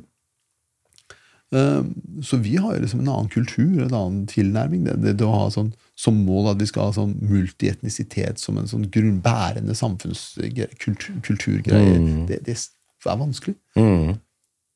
Ja, det er det. Og da Jeg tenker også på Jeg vil litt inn på, på din reise også. At uh, Du kom jo fra Iran. Når, når var det du kom til Norge? Hvor gammel var du da? Jeg var vel sånn åtte-ish. Åtte, ja. Ish. Husker du mye av den tiden, eller? Og, Ja, altså jeg bodde jo, jeg gikk på skole i Iran. Jeg gikk jo to år på skole i Iran før jeg kom hit. Jeg begynte på skolen da jeg var seks år. Ja. Så jeg gikk i første klasse da, kom til Norge, begynte i jeg vel satt i tredje, fjerde, fjerde klasse. var det vel. Jeg husker mye av den første tida og alle disse liksom, morsomme greiene som oppstår med kulturer som møtes, og hvordan dette går seg til, og alt fra matvaner til eh, hva, altså oppdragelse, skolesystem. ikke sant? Du, ja. alle disse tinga her. Det husker jeg jo, har jo veldig sånn klare minner av, og, og dette med å øh, Hvordan Beklager, folk som har prøvd, altså vi som nyankomne prøver å finne vår plass, og hvordan vi uh, hele tida Og da bruker jeg vi som vår familie og folk rundt som iranere som kom samtidig som oss. Uh, for å kunne på sett og vis uh, Altså, fin, fin, altså in, Hva skal man si, da? Prøve å finne en beskrivelse av det. Man, man prøver å beskrive han forståelse av sin egen kultur som noe som er kanskje litt sånn øh, superior, overlegen, det, det man har kommet til. Eh, fordi man innser jo altså at her, for å ikke miste sin identitet, Ja. sin, sin egen tilhørighet eh, Det ligger mye savn i det, det ligger mye, mye, mye den typen ting.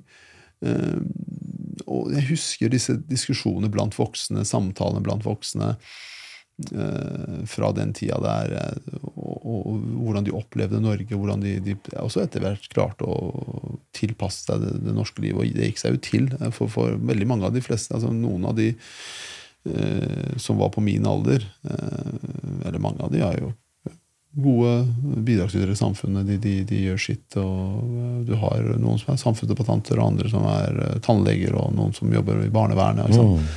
Eh, men så, er det, så bruker jeg å si at de iranerne som kom da, på 80-tallet, 90-tallet ja, Jeg kan snakke om de som kom samtidig som oss. Vi hadde et levende forhold til hvordan det er å være en del av en middelklasse. Mm. Og det å være en del av middelklasse har mye å si, for uh, forskning uh, på godt og vondt viser jo da altså middelklassene uh, har, altså middelklassene som fra den tida der da, har en bedre forståelse av vestlig kultur, vestlig sammensetning, vestlige verdier enn kanskje over- og underklassene mm. i, de samme landene. Eller ikke underklassene, iallfall, altså de som er på, på en måte under middelklassen. Og det finnes jo andre steder i verden, folk som er en del av en sånn lavere middelklasse og det som er under der. Um, og det, det, altså, veldig mange av iranerne som kom til Norge, de ville jo ha et vestlig levesett. Mm. Leve som vestlige. Uh, Iallfall på daværende tidspunkt. Uh, det var ikke nødvendigvis en, en velferdssamfunn, men det var som leve som Vesten som vestlig i Vesten. Det var mange ganske høyt utdannede sånn fra Iran på den tiden? Ja, altså hva, hva betyr høyt utdanna i et land ja. Eh, som Norge, sånn som i dag, der alle har en, ja, minst en en master? Ja, det er ikke ett menneske jeg vet som ikke har en master. Bare, er, jeg er glad at noen er rørleggere eller ja, ja, ja, det fins fortsatt. Ja, ja, sånn, veldig, jeg møter en tømrer, så blir jeg veldig glad. ja, ja, Eksotisk. Bare, oi! hva er dette You're one of those. Nei, men, men, det er eh, Ja, godt utdanna, men hva Altså at du har en mastergrad i seg selv, ja. er, ikke noe, er, ikke noe, garanti for at du, du, klarer å tilpasse deg et samfunn. Altså, vi ser Nei. veldig mange av islamistiske terrorister har jo vært uh, godt skodd og utdanna. Ja, det er sånn morsom greie, fordi folk har alltid tenkt at ja, bare man har utdanning nok og er, kan nok, så blir man ikke en uh, ondskapsfull person og Nei. gjør ondskapsfulle ting. Men da tenker jeg at intelligens og kunnskap har ingen korrelasjon med om du er en god eller dårlig person moralsk sett. Man kan jo spørre seg om doktor Mlengle var godt utdanna. Ja, ikke sant? Ikke sant? Med de der. Men, men, men det som Man hadde en Man hadde iallfall man kunne lese og skrive språket sitt. Man hadde iallfall gjennomført videregående. Mm. Eh, noen var kanskje i gang med en, med en, med en eh, bachelorgrad før de kom til Norge. Noen hadde en bachelorgrad, mm. kanskje. Um, og, og, det å på en måte ha, ha gjennomført videregående skole har ekstremt mye å si. For Da kan du mm. morsmålet ditt, da kan du lese og skrive morsmålet ja. ditt. Kommer du til Norge i en alder av 25, uh, har gjennomført videregående og gjort noen småjobber i landet ditt, så stiller du sånn en helt annen liga. Mm. Hvis, du kommer fra, hvis du kommer hit og er analfabet. Og, mm. i, ja, ja, ja. Så, så, da har liksom det, det, det, Mange av disse unge mennene Jeg var jo åtte, åtte ish, og disse unge mennene som var i tidlig 20-åra uh, Mange av de ble jo tannleger og leger fordi de var det de ville. Noen ble ingeniører, andre ble rørleggere og starta egne firmaer. Mm. Syntes det var ålreit. Så de gjorde, og noe av det var indre motivasjon for å lykkes, men noe av det var, var også som altså, Når du først valgte å flykte eller reise fra Iran, kall det hva du vil, så var det litt dumt å komme her og ikke gjøre noe ut av livet ja, ja. sitt. Og, og, kunne fortelle familien hjemme at, at altså, klarer, det, går greit, jeg klarer meg. Uh, så, så det, det, det, er en viktig del av det. Iranerne som kom hit, de kom ikke hit som arbeidsmigranter. De kom hit på flukt og reiste fra et regime. Uh, og det har også mye å si. Husker du noe, hvordan det var å leve der? Fra ja, de første årene dine? Hvordan det var å bo i Iran? Ja, altså Jeg har jo fortalt denne historien, så vi kan begynne med de enkle tinga. Jeg er jo født i 79. Krigen med Irak brøt ut i 80. Mm. Eh, bombeangrep med skuddmissiler og diverse annet. Det husker jeg ganske altså skuddmissiler, Bombing av sivile mål, det husker jeg. Vinduer som var teipa igjen for å liksom, slippe å få masse glassbrudd i trynet når, når bombene datt. Det husker jeg. Hvor gammel var du da? Ett, to, tre år? Nei, altså, Det var jo krig helt fram til vi reiste, og ja. det var jo krig fram til 89 Hvordan klarer man å leve i det? Altså, prøver man allikevel å ha en slags hverdag? liksom, ja, har, man, har, man, har, jo en hverdag. Man har det, altså Bare det vanlige, liksom? Teipe vinduene? Er det bomber, Nei, sånn? Så går du på skole, så kommer du hjem, og så flyr et par jagerfly over huset ditt. Eh, og så, sånn blir det liksom normalisert? Ja, ja det, blir no, det blir det. Du blir vant med det er mye. Vi mennesker blir vant med veldig mye. Ja, ja. Så når uh, norske når, når, noen i det norske samfunnet prøver å beskrive folks levekår altså under krig som en sånn helt sånn ekstrem greie som, altså, ja, ja no, noen har det. Mm. Men for de som kanskje ikke bor rett i, front, i fronten, mm deres, Man normaliserer livet sitt ganske kjapt. Ikke sant? Jeg hadde to onkler. Uh, han yngste onkelen min altså Alle menn ble jo drafta. Ja. Han yngste onkelen min han var ved, ved, fronten i, han var infanterist i, og var fronten og kom hjem uh, eh, skada flere ganger. Mm. På sykehus og besøka han. Han kom hjem uh, bandasjer må skiftes i huset for sykehusene ikke har kapasitet. Og, og det, det var også en del av livet og hverdagen. ikke sant? Det å stå i matkø altså, for Du fikk matkuponger, for det var ikke nok mat. ikke sant? Du sto i smørkø, oljekø, eh, ris eh, og den typen ting. Men jeg, jeg husker barndommen i Iran som en sånn morsom tid. eh, Erfaringer som jeg ikke ville vært foruten. eh, Og, og veldig lærerikt, veldig gøy. Og er ikke sånn Kanskje jeg er traumatisert uten å vite sjæl. Mm. Altså, I dagens verden så er det vanskelig å vite om man er traumatisert eller ikke, inntil Ja, ja. andre forteller. Ja, ja, ja, ja. Men er det sånn hvis du hører jagerfly og sånn fly over her, sånn, sånn øvelse og sånt, så bare så liksom, Er det sånn Nei, altså, Det sitter i deg, Jeg liksom? jobba ti år i Forsvaret, så det, det, Ja. det er nysgjerrig til å se på hva var det som fløy. Ja, ja, ja. Er det som den der eh, vanvittig bra memen av hva skjer med menn når de hører helikopter? alle- Ja, ja, jeg vet.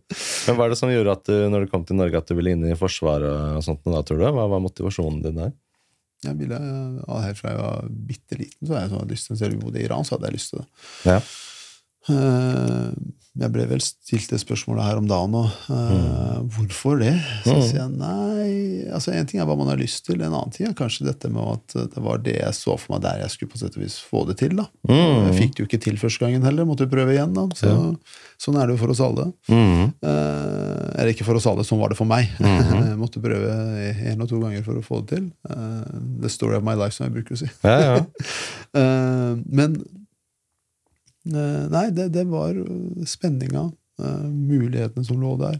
Det å oppleve noe helt særegent. eh, og det, det fikk jeg til, det har jeg fått til de grader, så det har vært veldig lærerikt. Eh, og det har på sett og vis vært en kombinasjon av eh, ja, som jeg vil si, de menneskene jeg har møtt underveis, som har villet meg vel, eh, og de valgene jeg har selv tatt. Eh, og så er det sånn at du møter folk underveis, så sier de 'gå til høyre', og så sier de 'nekter å gå til høyre, jeg går til venstre'. Så jeg har kanskje ofte sagt ja, ja, du får gå til høyre, da, se hvordan det blir. Eh, Eller følge råd, spesielt når du føler at folk vil deg vel. Da. ja.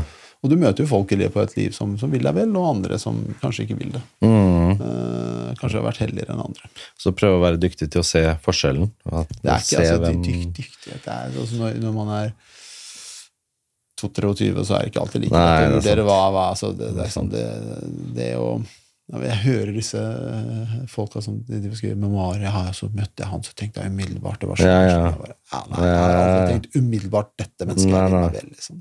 Så kan det hende at jeg er litt uh, slow Joe og ikke skjønner noen ting. Men det kan være. Men, men jeg, jeg syns nå eh, Men ja, Forsvaret har vært et vanvittig spennende sted. Og så begynner vi såpass mange år siden at eh, de tinga jeg har gjort i ettertid, har jo kanskje forma Ja. meg like mye. Men du dro til Afghanistan, var det sånn? Ja, jeg har vært i Afghanistan. der. Hvordan var det? Og hvor lenge var du der? Jeg har vært der flere ganger. Eh, fra 2003 til 2011.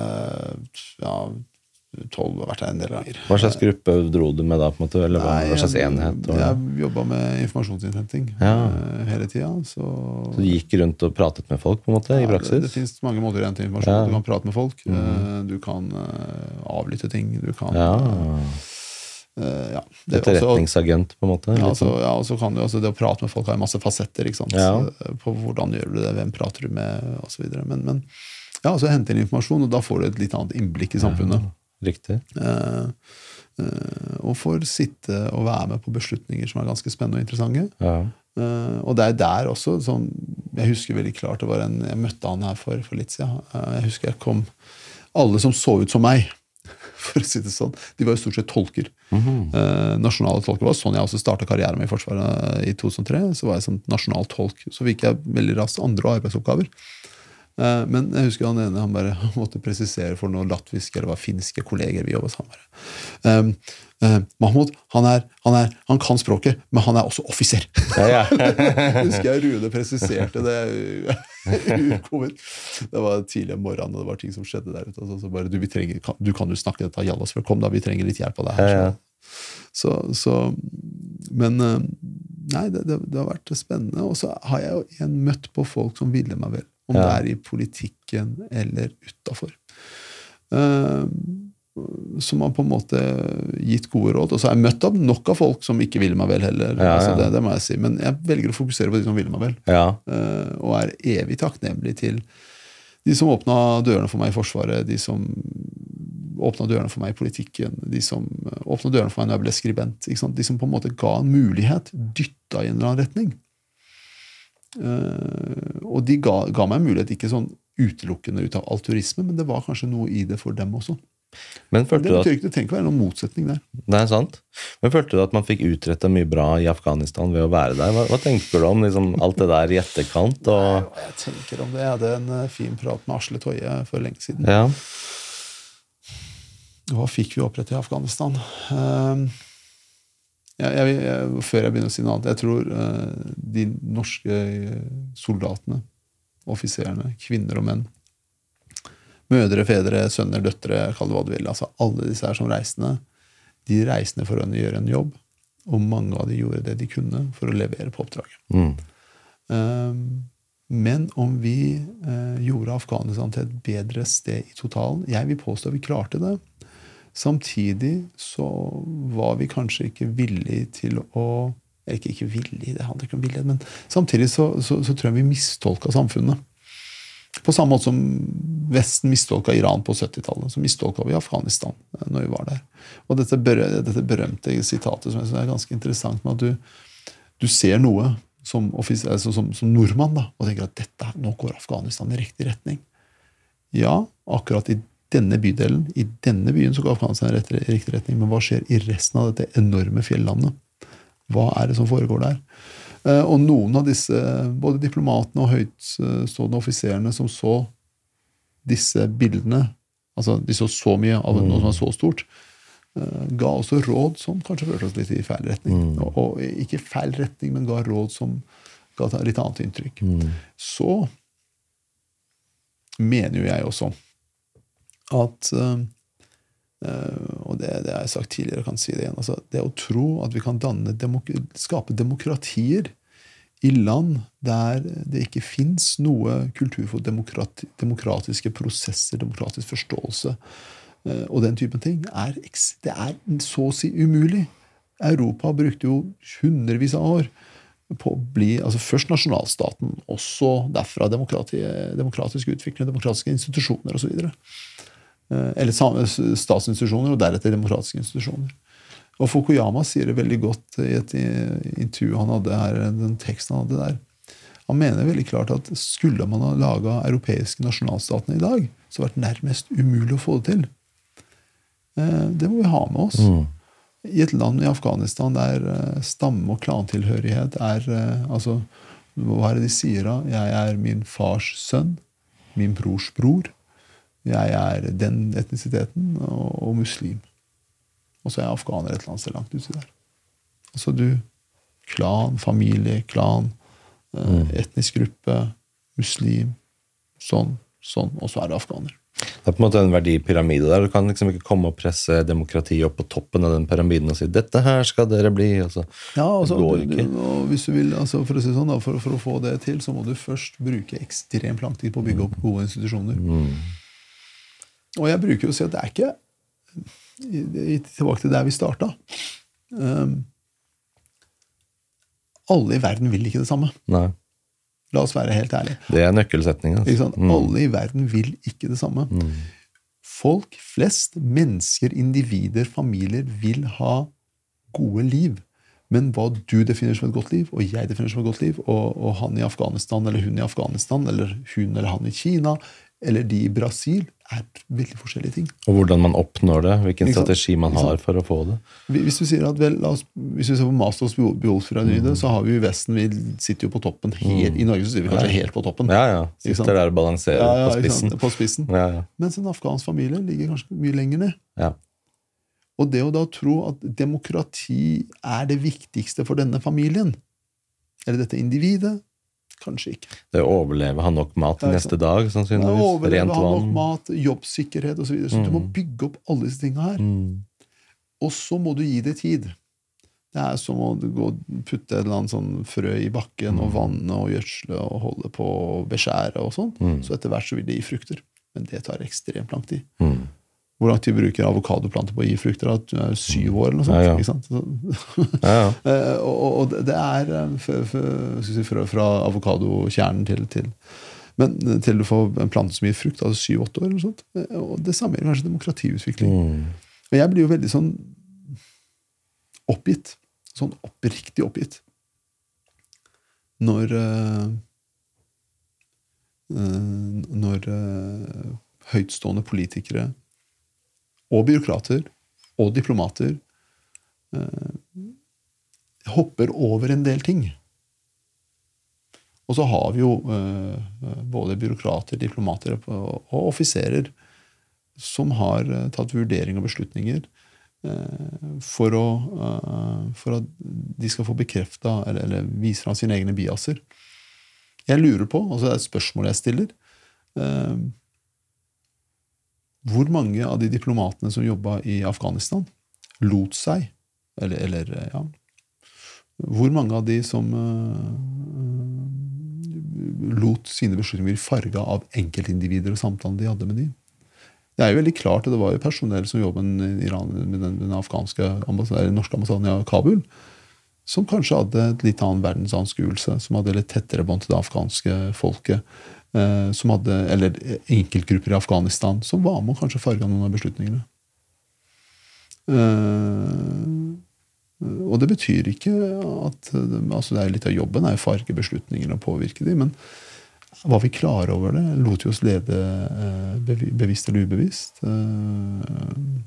Eh, så, så, tror jeg jeg skal stoppe der, for det er mye mer man kan si om detaljene der som jeg ikke tror passer seg på en podkast. Nei, nei. Men så tenker jeg også, hva syns du om måten som Vesten trakk seg ut av eh, Afghanistan på?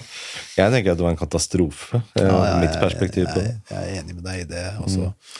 Det var veldig sånn uh, Saigan, da. Mm, ja. Veldig Saigan. Og... Hvorfor ble det sånn, tror du? Hvorfor...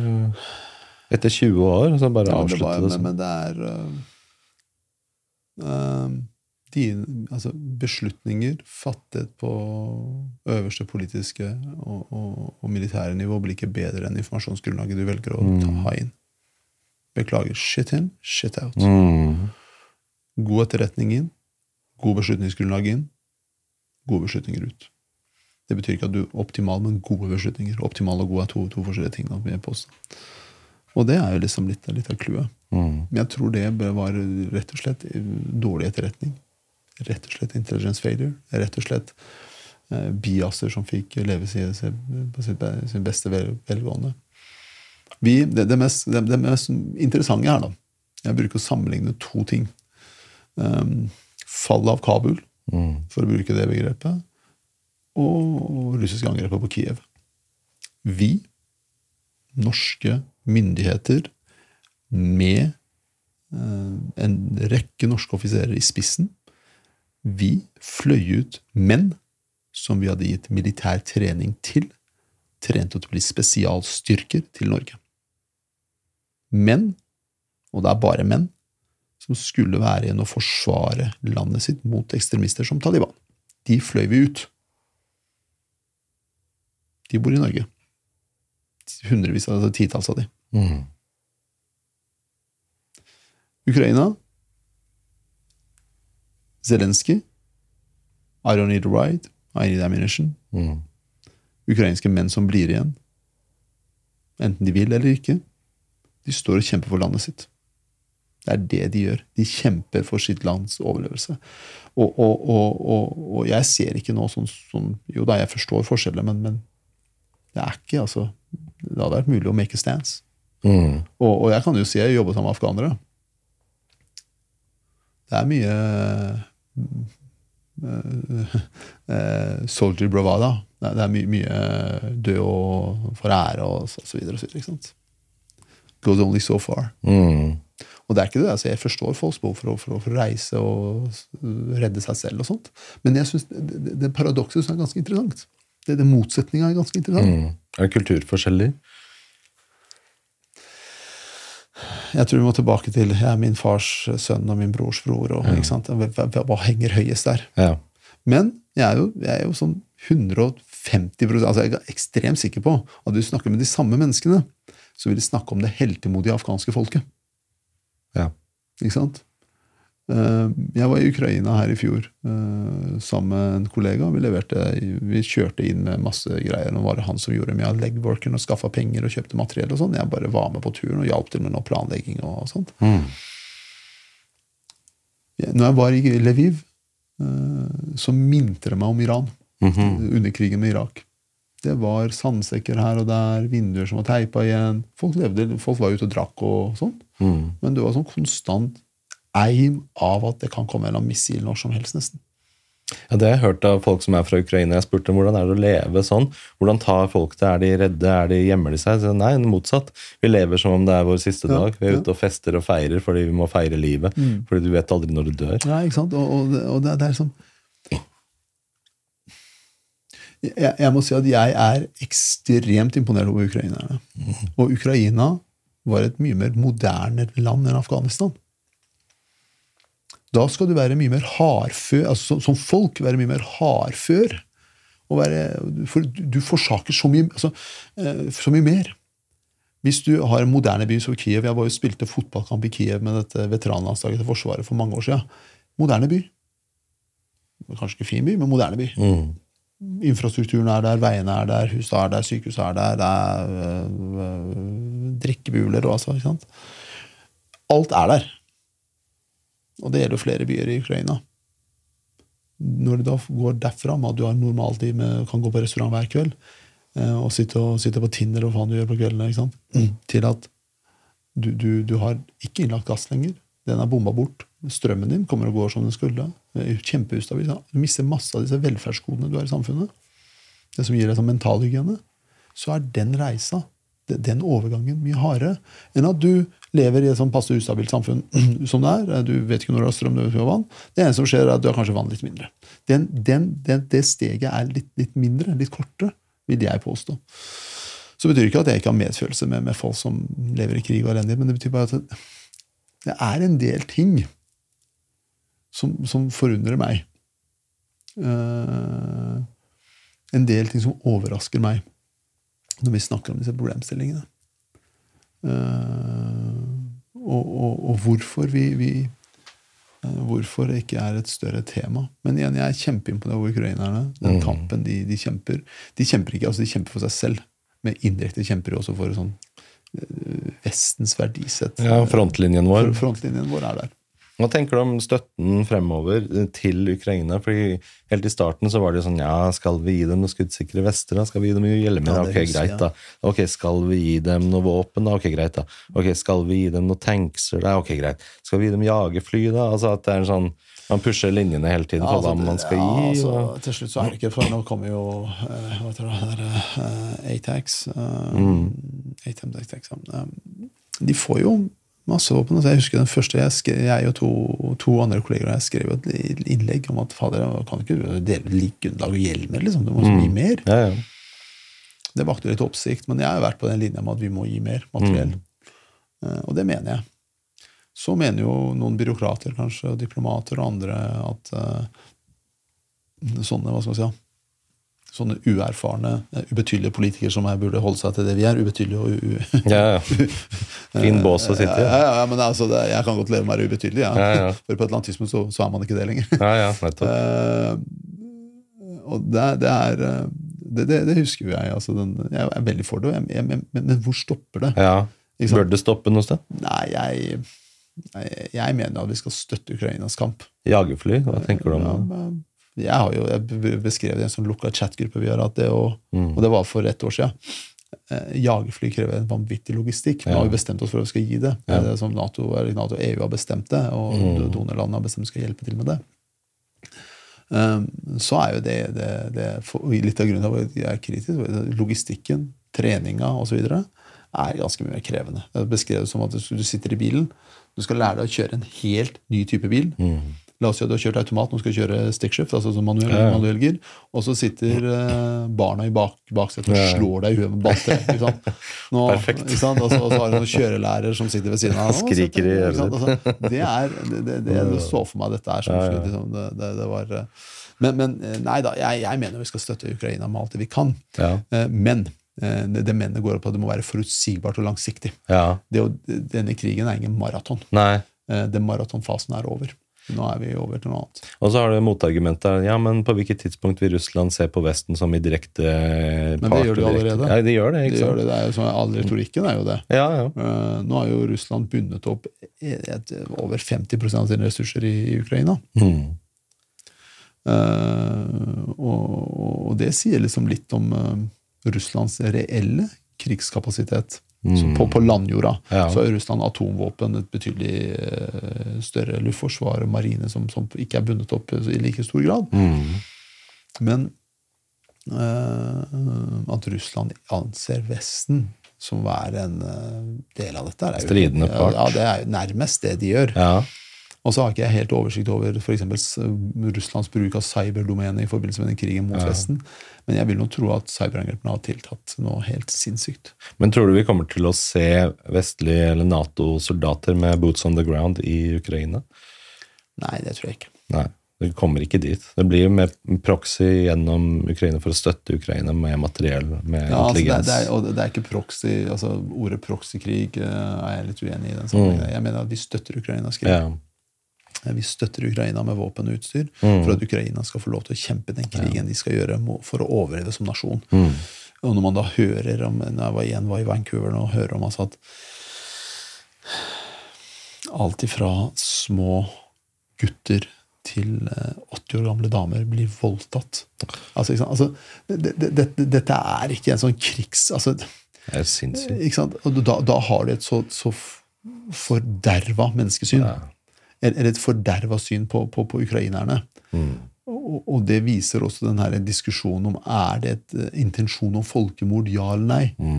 Eh, hva ligger i intensjon om folkemord? Ja, domstolen skal dømme det. Jeg mener jo at Russlands intensjoner om om ikke intensjonen er folkemord, så er det mye av handlingene som tilsier at det er den veien det går. Utrydde ukrainsk kultur, eh, angripe kulturminner, eh, drive med russifisering av områder som er okkupert. Du vil kvitte deg med Ukraina og ukrainsk kultur i sin helhet. Og det kan ikke vi akseptere. Vi har hatt en runde med dette her for en del år siden, altså på, på annen verdenskrig. Ja, ja.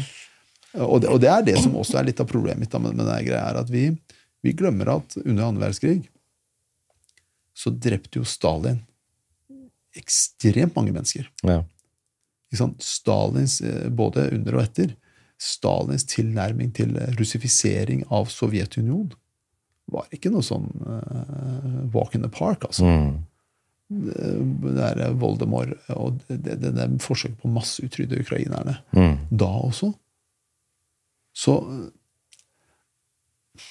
Ja, det, det, det, dette er ikke noe nytt fra, fra Russlands side. Hva tenker du om Wagner-gruppen? Nei, det er jo privatmilitær her, det. Altså PMC, Private Military Company. Eh, og de eh, bruker jo de midlene de har. Altså et privat uh, militærselskap som har tilgang til eh, hele spennet av eh, våpen. Eh, og har en del, altså de, de har jo tidligere hatt masse kompetent personell. Eh, Vi snakker om Wagner-gruppen nå fordi det er Ukraina, men de har jo vært i Syria, de er i Kongo, de er i Mali. De er en rekke land i verden eh, og driver med nærmest sånn Hva tror jeg? de, livnærer seg av elendighet. I Kongo Gribber. Gribber, ja, gribber, det var det, ordet jeg prøvde. Ja, det var det. ja. gribbe, gribbeselskap. Jobbe for høystbydende. ja, høystbydende. Altså, vi har jo vestlige PMC-er òg. Du har de. Men forskjellen av vestlige PMC-er har ikke driver ikke gruvedrift i Kongo. Nei, nei. eh, Driver ikke med, med ressursutvinning i, i Libya, i, i, i, Mali. Har visse etiske standarder. Ikke sant? Eier ikke, prøver, prøver ikke å, eier ikke oljeraffinerier i, eller, og har ikke overtatt oljeraffinerier i Syria. Og så kan du si at ja, etiske standarder det kan man diskutere, men det, det, det her handler om at du har en PMC, altså privat, pri- privat militært selskap, Mm. som er unntatt alle regler. Mm. Uh, Er ikke det ulovlig, liksom, egentlig? Det er mye som er ulovlig i verden, det skjer jo Ja, hele tiden. ja, ja, Altså, det, det, det, hva skal man si, når, når ulovligheten kommer på et visst nivå, Ja, uh, så må du ha evne og kapasitet til å håndtere ja sant? gjort noe. Og? Du, og det, hvem er det som har evne og kapasitet til å håndtere sånn, i totalen som Wag- Wagner-grupp? Og det er jo noen som vil på sett og vis eh, sette dem på terrorlista. Men hva hvis uh, kunne ikke bare Ukraina betalt mer enn Russland betaler, og så skifter de side? Men uh, det er ikke bare Russland, for uh, Prigozjin og gjengen er jo en del av en oligarki. Mm. Ja, det er det. Det, Så det er andre bindinger og en det er andre penger. bindinger, ikke sant. Men jeg kan det kan bli spennende framover. Er sånn- vi snakker om Prigozjin og PMC-en hans og Wagner Group. Mm. Vi må være klar over at det er jo altså, Iran har jo sin Wagner-gruppe i deler av revolusjonsgarden. Ja. Som, som ikke er privat her, men de opererer i altså, alle disse gråsonene. ja. Alt fra etablering av terrorceller i, i, i, rundt omkring i verden, gjennomføring av eh, terrorangrep med, med diverse proxyer i Europa, Ja. altså, og støtte til ikke minst eh, eh, Russlands krig i Ukraina, som sagt, og aktiviteter i Afrika. Men jeg har hørt at Iran driver med sånn etterretning overalt, også i Norge. At de Ja, har ja, ja, sånn spioner, ja, ja. følger med. Ja, det gjør de garantert. Altså, Iran Og det er det som gjør Iran kanskje mye farligere enn mange av disse andre islamistnasjonene. da. Mm. fordi Iran har, bruker enormt mye midler på det. Mm. Og de har jo mye av de folka som starta altså, når, når, Etter revolusjonen i 79 så, så eh, ble det eh, ble jo mye gjort om å rive det opp. Eh, mange av lederne i Forsvaret og i etterretningstjenesten ble drept, men fotfolka var der. Og det er de fotfolka som har bygd opp etterretningsvesenet til, til eller bygd opp i startfasen etterretningsvesenet og etterretningsnettverket til islamske republikken i Libanon, i eller i Syria og andre steder. Fordi Shahen hadde jo også et ganske omfattende etterretningsnettverk. Det er jo også Enhver nasjon med litt respekt for seg selv har jo et velfungerende etterretningssystem. Eh, og Iran har jo i de senere år, de siste 20, ja, før det, altså de siste 30-40 åra, 30 åra, etter krigen med Irak, eh, hatt større fokus på eksilmiljøene. De har jo også gjort det til en greie siste året at alle som er opposisjonelle i Iran, har ikke jaga bort. Fengsla de først, og så jaga de av gårde. Ut av Iran. Eh, og holder øye med de da. I andre land også, Ja, sånn ja, ja, i Norge. ja, ja, I Norge, i USA, altså i hele Vesten. Så de som er kritiske mot Iran, la oss si Norge, da, blir de fulgt med på? Har du noen gang merka sånne ting? At du blir fulgt med på? Ja, sånn? det gjør de sikkert. Det gjør de, ja. ja det, altså, det vet jeg fader. Jeg har ikke, det er ikke altså, Men du er ikke redd for å være kritisk mot Iran? på en måte? For, Nei. Skal, altså, jeg, jeg lurer på hva skal du gjøre, da? Ja. Jeg tror jeg leste en sånn sak en gang på NRK eller VG eller noe sånt, med at eh, man oppdaget noen iranske agenter som drev og luska i hagen til et eller annet. Ja, ja. Det var noe sånt. Uh... Ja, det, det har de hatt, men du hadde jo også iranske agenter som sto bak uh, drapsforsøket på William Nygaard. Oh, ja. NRK og Tormod Strand og hans kolleger har skrevet veldig godt om det. ja. Vanvittig bra sak. Uh, nå slutta han ene kollegaen til Tormod, jeg husker ikke navnet hans, men Ja. de jobba ganske bra med den saken der. Altså, veldig bra det de fikk fram der. Men som den nasjonen vi er, så ja. ja. Eh, så er ikke det et tema. Så, så, inviterer, altså, så er det fortsatt norske diplomater som inviterer iranske, Ja, eh, iranske delegasjoner og tar med til Frognerparken. Liksom. her har vi et land Så naivt, som, altså. men det, her har vi et land som har aktivt gått inn ja. for å drepe norske borgere fordi de har vært med og publisert en bok. Og så er det ganske interessant med hele det opplegget. Det er et norsk diplomat truer en norsk borger for å ta bilder. Altså Det er helt sånn helt crazy shit. fy faen. Du har en norsk diplomat navngitt i, i diverse artikler. Ja, som står og forteller en norsk politiker som står på stand i Frognerparken, ja. at hvis du tar disse bildene, så vil det få konsekvenser for deg. Seriøst? Han bare, jaggu sier du det? Shit. Og du jobber med fred og forsoning, sa du? Ja, ja. Demokratiutvikling, sa du? At det, altså, og, og, og så sitter jeg her som politiker og sier at hvorfor får ikke dette konsekvenser? Ja, ja. Og hvorfor får det ikke konsekvenser? Hva tror du? Nei, det tror jeg ikke jeg skal mene så mye om. Nei. Men har du noen gang blitt kontakta av iranske agenter og sånt? Og slutt med den kritikken av Iran? Ikke, Og... ikke, nei, ikke, Ikke noe sånt? Nei, de, altså, jeg, jeg tror uh, de de vil nok prøve å påvirke meg på andre måter. Andre måter. Mer indirekte, ja. mer indirekte gjennom andre ting. Altså, så, jeg er kanskje ikke det, det største fisken i den dammen. ikke sant? Og så driver vi og flyr inn eh, Taliban og greier på privatfly Ja, men Det er Norge. de samme menneskene som fløy inn iranerne som flyr inn Taliban på privatfly. Ja, ja, ja. Det er sånn, Det, er, er eksakt samme menneskene, for å si sånn. Jeg skjønner ikke hva de driver med. Altså, Nei, hva med er den, den, denne trua på at man eh, fred og forsoning? Fred og forsoning. Og så, og så er det- Dialog løser alt. Ja, og det, det gjør jo til en viss grad. Dialog, Ja. Jeg er veldig pro dialog. Ja. Hvis man har litt felles Men så, men så, ja, hvis man, ja, hvis man har felles verdier. Men så kan det jo være at det er noen allierte som presser på her, og Ja, som ønsker at vi har disse dialogene og har denne praten. Men det var bare så sjukt å se dem sitte på det privatflyet og kose seg. Sitte på mobilen og scrolle. Altså, er til Norge. altså, det er jo sånn eh, du, du, du vet altså at deler av Taliban-ledelsen holdt det til i, i Dubai og Emiratene. Gjør de det, ja? Ja, ja, det var jo Luksus. luksus. Det er det. Taliban er jo ikke hva skal man si, en av de tingene som overraska folk aller mest når Osama bin Laden ble drept. For Ja. Han drev og eh, farga skjegget sitt svart. Gjør han det? Forfengelig. Altså, jo sånn, men, det er jo sånn det er. Det er jo sånn forfengeligheten. ikke sant? Det er jo, vi er alle forfengelige på vår, måte. Men det er så sjukt, fordi det er liksom, hva med den samfunnskontrakten, hva med tilliten mellom innbyggerne i et land? Altså, Vi betaler skatt. Skal de bruke pengene våre, som vi betaler hardt arbeidende folk i Norge? La oss bruke de på privatfly fra Taliban. Altså, ja, hva er det de det, er, driver det med? jo Ja, og det, det, altså, jeg er igjen veldig for den eh, Ikke veldig, men for å på en måte sette seg ned og ta en prat. Ja, jo. Eh, og for å finne en løsning. Mm. Eh, og jeg tenker at kanskje ideen med å ta det med til Norge første gangen Ja, ja. var å sikre at kvinner fikk utdanningsmuligheter og Mm. sånn og slik og sånn. og sånn. Vel vitende om Vel vitende om at uh, Taliban kan si ja, ja, ja. ja. Mm, ja, ja. De bare Så kan du gå tilbake og si nei, nei, nei, nei.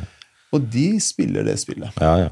Eh, Så vi har invitert hit, og så, så er det litt sånn, det må, det må jeg også si i rettferdighetens navn, at det er nok et påtrykk fra noen av våre allierte, vil jeg tro, jeg har noe på at, vi skal gjennomføre disse samtalene. For ja, okay. vi er den nasjonen vi er, vi har, vi har det ryktet vi har, osv. Nobels fredspris, Ja, vi har mye sånn Vi greier. har jo, vært, eh, vi har jo gjort dette her i mange tiår, og kan på, Mm. som en liten nasjon på, på der vi er, med det ryktet vi har, kunne gjøre sånne ting. Mm. Og det er bra. Mm. Men eh, som jeg sier, det, det å da tro at disse, disse samtalene gir, uh, gir uh, veldig mye effekt, ja. det tror jeg er litt naivt. Mm. Og jeg tror ikke disse diplomatene som, som står i Frognerparken og kjefter norske borgere uten fullført av bilder, eh, er såpass naive at de ikke skjønner det. Mm. Men jeg tror de har et oppdrag de, som de, de må gjennomføre. Mm. Men jeg hadde jo helst sett at, for å si det litt sånn indirekte, da, eller si det veldig direkte, at disse samtalene ble hatt eh, ikke, ikke, ikke, ble tatt på en sommerfest blant venner og bekjente, politikere og, de, og byråkrater, men Ja, ja. ble, ble tatt i litt mer sånn i åpent lende. Mm. Hvor også vi som politikere kunne være med og, og forme de. Eh, Jeg er enig i de lange linjene i norsk utenrikspolitikk, og at det skal være samhold rundt de. Men jeg er også opptatt av nesten, nesten på grensa sykelig av institusjonene. Og når beslutninger fattes uh, i det, det, i det mer, mer lukka fora, så vil institusjonene eh, miste troverdighet og legitimitet kanskje over. Mm. Var det ikke sånn at vi inviterte dem på nytt? da? Jo, jo, de var jo her for litt siden. Det var ikke en De- de konferanse ja, de, sånn? De var her rett før iranerne var her. Ja, ja. Og samme mennesker som inviterte. For det er rart, for liksom kan gjøre, gjøre det én gang, og så se at ja, det bærer jo ikke noe frukter. Vi gjør jo aldri det igjen. Men så gjør de det søren meg på nytt igjen. ja, ja. Men, men, det er, men det er jo sånn, altså Det er sånn det er. Altså, hvis vi, noen av våre allierte ber oss om ting, så gjør vi det jo. Ja, ja. USA sier hopp, så hopper vi. Ja, ikke, ikke, ikke nødvendigvis hopp, men vi gjør noen vurderinger. Så ja, det kan være også være i vår interesse. For Mm. det er jo quid pro quo. Jeg gir Ja, ja. du får deg. Jo da. Det er jo mange balanser. det er det. det er det. Vi tar en liten pause, henter litt mer kaffe og vann og sånt. Ja, jo, jo, jo, det var det, det siste jeg sa, var at altså, Taliban hadde, jeg har jo vært altså, feriehus i Emiratene og det her og der. Ja, ja. liksom. Det var liksom det vi snakka om. Um, men vi, vi, altså, Taliban-ledelsen i seg selv er jo en interessant uh, Ja, sak. Uh, og, og- når du ser f.eks. at Taliban-ledelsen klarte å ha oppholdssted i Quetta i Pakistan i så mange år Ja. Det var jo helt åpenlyst at du var der. Mm. Så ikke sant? Altså, altså, da viser det også litt om at ja, ja, eh, Pakistan som en alliert eh, som nasjon, som en alliert i kampen mot terror, Mm. også bidro kanskje til å gi, eh, til å gi eh, Taliban en safe haven og et sted å operere ut ifra. Mm. Og ikke gjorde nok med det. Ja. Eh, av mange grunner. ikke sant? De har også sine nasjonale politiske interesser. også. Hva med Russland og Afghanistan? Er de kompiser? på en måte? Har de et samarbeid? Mm, Hvis jeg ikke tar feil, så mener jeg jeg kom over en artikkel. Nå husker jeg ikke hvor det var. Der det kom fram at afghanske soldater eh, hadde jo kanskje muligens hadde sluttet seg til, til Russlands krig i Ukraina. Altså. Ja. Jeg mener det altså kan være at jeg ikke husker alle nyansene og detaljene. Mhm. Eh, leste det på flyet på vei til Canada, det var det noen dager før. Så ja. Det, er, altså, det, det, er ikke, det handler ikke om å være kompiser, men det handler, det handler om at man har sammenfallende interesser. Mm. Uh, og Afghanistan og Taliban står jo i en, uh, konflikt med Iran akkurat nå. Ikke væpna ennå, men den kan bli væpna. Det gjelder vannressursene som Iran får fra afghansk side. Riktig. Og noen andre ressurser som er viktige nå for tiden, er jo batteriteknologi Mm. og det man trenger til dem, litium og kobolt og alt mulig rart. Og det er det vel mye av i fjellene, tror jeg, i Afghanistan. Ja, det er det, det, er det mye av. Kineserne er interessert i det. Sant? Så du har en del sånne problemstillinger. Uh, en del sånne utfordringer. Og det, det jeg ofte ser på disse enkelte av disse landene, hvorfor klarer ikke de å omsette de rikdommene de har, til å utvikle landet i mye større grad. Mm. Uh, og det som var ganske interessant, var at vi hadde en delegasjon fra Mosambik på besøk på Stortinget. De ville gjerne snakke om oljefondet vårt.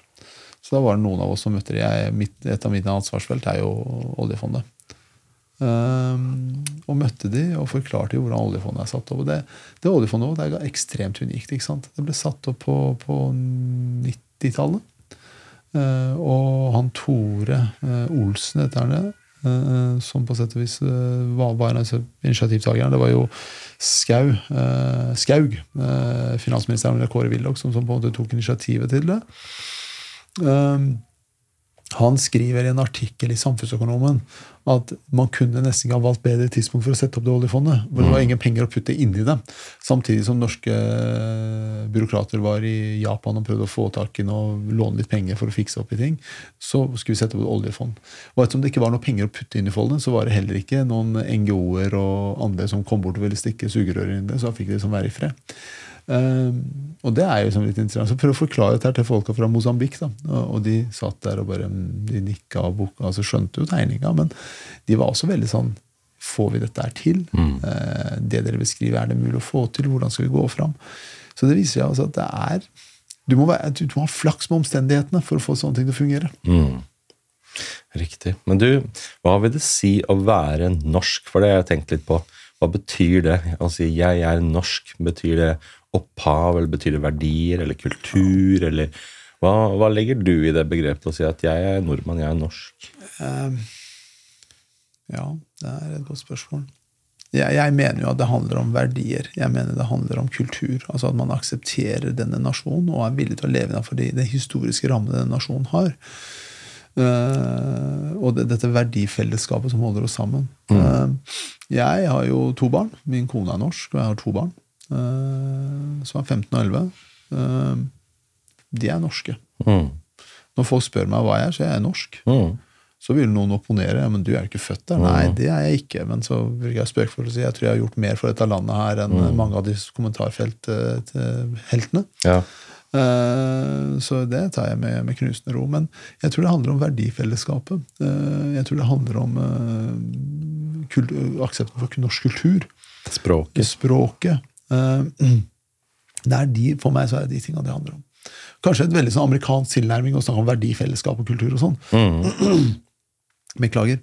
Men jeg tror det å på en måte anse norskhet kun gjennom genetiske faktorer er ikke, ikke er bra. Nei, tror det, tror, det tror jeg er problematisk. Det blir veldig snevert. Det, blir- er mange som faller utenfor. Det blir veldig mange som faller utenfor, det blir problematisk, det skaper grobunn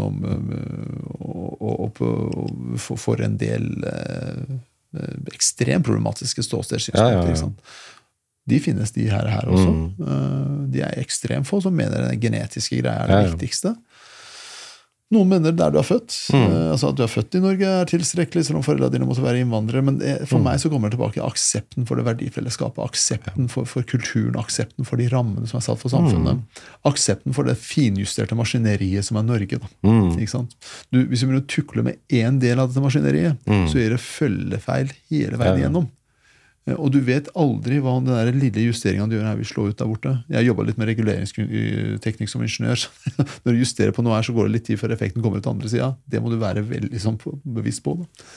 Um, og og det, dette med, med aksept og norskhet og verdi bringer meg over til den der, kanskje, debatten vi har hatt i det siste, med håndhilsing. Ja. Um, og, og, og i den konteksten så er jo denne Nasim Taleb-artikkelen om uh, den, den intolerante minoritets til å, eller minoriteters evne til, til å endre samfunnet, eller påtvinge samfunnet sin, sin vilje, spesielt demokratiske vestlige samfunn. Og hvordan denne aksepten, stilletiende, eller kanskje høylytte aksepten for, eh, for å ikke kunne ville håndhilse eller, eller andre ting, bidrar over tid til å også endre rammene. Som sagt, finjusterte hjul, finjustert maskineri, hjula justeres på, så vil det gi effekt andre sida. Um, og det som kanskje slår meg i den håndhilsedebatten, er at jeg har jo møtt Taliban-ledere som har håndhilst på kvinner. Mm. Hvorfor, altså, ikke sant? Hvorfor skal ikke n- norske gutter gjøre det? For Ja, ja. Det er jo norske gutter. Ja. Men de er født her. Mm. Hvorfor skal de velge noe annet? ja. Og hvorfor skal vi akseptere det? ja. Eh, Jeg møtte en eh, veldig altså en norsk norskmuslim, en konservativ norskmuslim tenker. Han og jeg har krangla så busta fyka om islam og konservativ islam osv. Og, og det verste er at eh, jeg liker fyr, men vi er grunnleggende uenige. Ja. Litt av grunnen jeg liker han, fordi han tenker. Ja. Jeg skal ikke nevne han her. Men, men han tenker, og så møtte jeg han her forleden dag. Og da var det som rett etter at den håndhilsedebatten har kommet i gang. Eh, Før jeg reiste til Canada, så sier han at uh, i enhver konservativ muslimsk hjem så hadde han gutten der fått, uh, altså, fått høre det. Mm. Mangler respekt for autoritet, mangler respekt for din lærer, mangler respekt for voksne mennesker. Det er jo ingen som aksepterer det i, i, i, i, som etablerte hjem. Hvorfor, hvorfor lar man dette gå? Hvorfor, hvorfor, hvorfor, hvorfor stiller, sier ikke familien vel det for håndhilsen, da? Hva har det, altså? Og, og så jeg skrev den artikkelen min i Ytring. Eh, Jeg tror eh, Gud, Allah eller Buddha eller hva det er, har andre ting å tenke på enn hvem du håndhilser på den dagen. altså. Ja, ja. Det er ikke det som eh, For deg personlig overbevisning er en ting, men i, i en verden så prøver, prøver vi å tilnærme oss hverandre. Ja. Og, og spørsmålet er om man skal om denne håndhilsegreia, som er på sett og vis diskriminerende kvinne, Det sier litt om kvinnesyn, litt sånn syn om seksualitet, litt sånn denne typen ting. Skal vi akseptere det? Og er det virkelig det? Det, det, det skal vi virkelig akseptere det, og er det det som på sett og vis er kjernen i en eller annen kultur? Det er jo ikke det. Men står det i Koranen og sted, eller i islam da, at man jo- ikke skal ja, det er jo det. Konservative muslimer har jo trua på det, da, at du skal håndhilse og sånt. Og jeg har ikke jeg, jeg, Ja, jeg forstår det. Det er mye som folk mener her i verden. Men det betyr ikke at vi skal si det er greit. Og så er det ulike verdier opp mot hverandre. Man må velge hva er det ja, ja, viktigste ja, i denne situasjonen her. Og, men hva tenker du om den konkrete saken? For hun rektoren fikk jo en veldig impulsiv reaksjon der og da. Ja. og så sa at sånn oppfører vi oss ikke i Norge. Altså, sånn og sånn, og var veldig tydelig på det da overfor foreldre og sånn i salen. Men jeg, ikke, altså, jeg, jeg, man kan også, I en sånn situasjon der du setter en rektor på en skole med jeg tror det er ganske mange minoritet, eh, barn med minoritetsbakgrunn, slik forlegenhet, mm. så skjønner jeg jo det. Ja, ja. Og folk, ja, det er overgrep mot han 15-åringen. Og sånn. Ja, ja, nei, altså Det er ikke overgrep. Nei, altså la oss la, ikke sant? det- Denne overdrivelsene av, av uttrykk, ordbruk og uttrykk som jeg ikke forstår. Men jeg forstår altså den spontane reaksjonen til rektoren. skjønner Jeg Jeg forsvarer den ikke, men jeg skjønner den. Mm, ja, ja. Det er to forskjellige ting. Mm. Det jeg ikke skjønner, er SV-byråden Mm. som, som går inn for å slakte. Mm. Eh, som er for meg veldig underlig. For den SV-byråden vi har her, hun er jo kjempeopptatt av feminisme og kvinner og kvinners posisjon og flere kvinner i styrene og kvinnelige ledere og sånn. Men hvis du har kvinner i styrene og kvinnelige ledere som menn aktivt eh, setter i forlegenhet og ikke respekterer, Hva slags feminist er man da? hva slags feminist er man da? Mm. Eh, og, og jeg, jeg men, men dette, dette med å holde på sånn med lærere og rektorer i Oslo-skolen har jo vært eh, gjennomgående tone for, for SV-byråden. da. Mm. Eh, ved hver bydel-korsvei så har man gjort det. Eh, flere tilfeller, spesielt opp mot minoriteter, så har man valgt å gjøre det. Eh, men, men denne håndhilsesaken, denne spesifikke saken av rektorens reaksjon eh, er- er- jeg, jeg, jeg, jeg tror, jeg håper iallfall Hadde vi sett det på en måte en sånn eh, Sette en grense, da. Eh, og folk sier ja, individuell frihet individuell, Ja, ingen som fratar deg dine individuelle rettigheter og friheter. Eh, men du kan praktisere overalt andre steder enn akkurat her. Eh, men, jeg skrev også i den saken, jeg skrev en Facebook-oppdatering på det, at dette begynte jo ikke i dag. Dette er for, for et par uker siden. Dette her har pågått lenge. Det er det, det å på sett og vis vise sin, sin religiøse eh, religiøse eh, ståsted, sitt religiøse ståsted, gjennom disse aktive handlingene som er veldig sånn out there, eh, har jo pågått en stund. Vi så jo den der eh, kronprinsen som man ikke ville håndhilse på. eh, viste respekt på en annen måte, og på den måten igjen satte en kronprins i et land i forlegenhet. Det er en kulturkrasj der òg.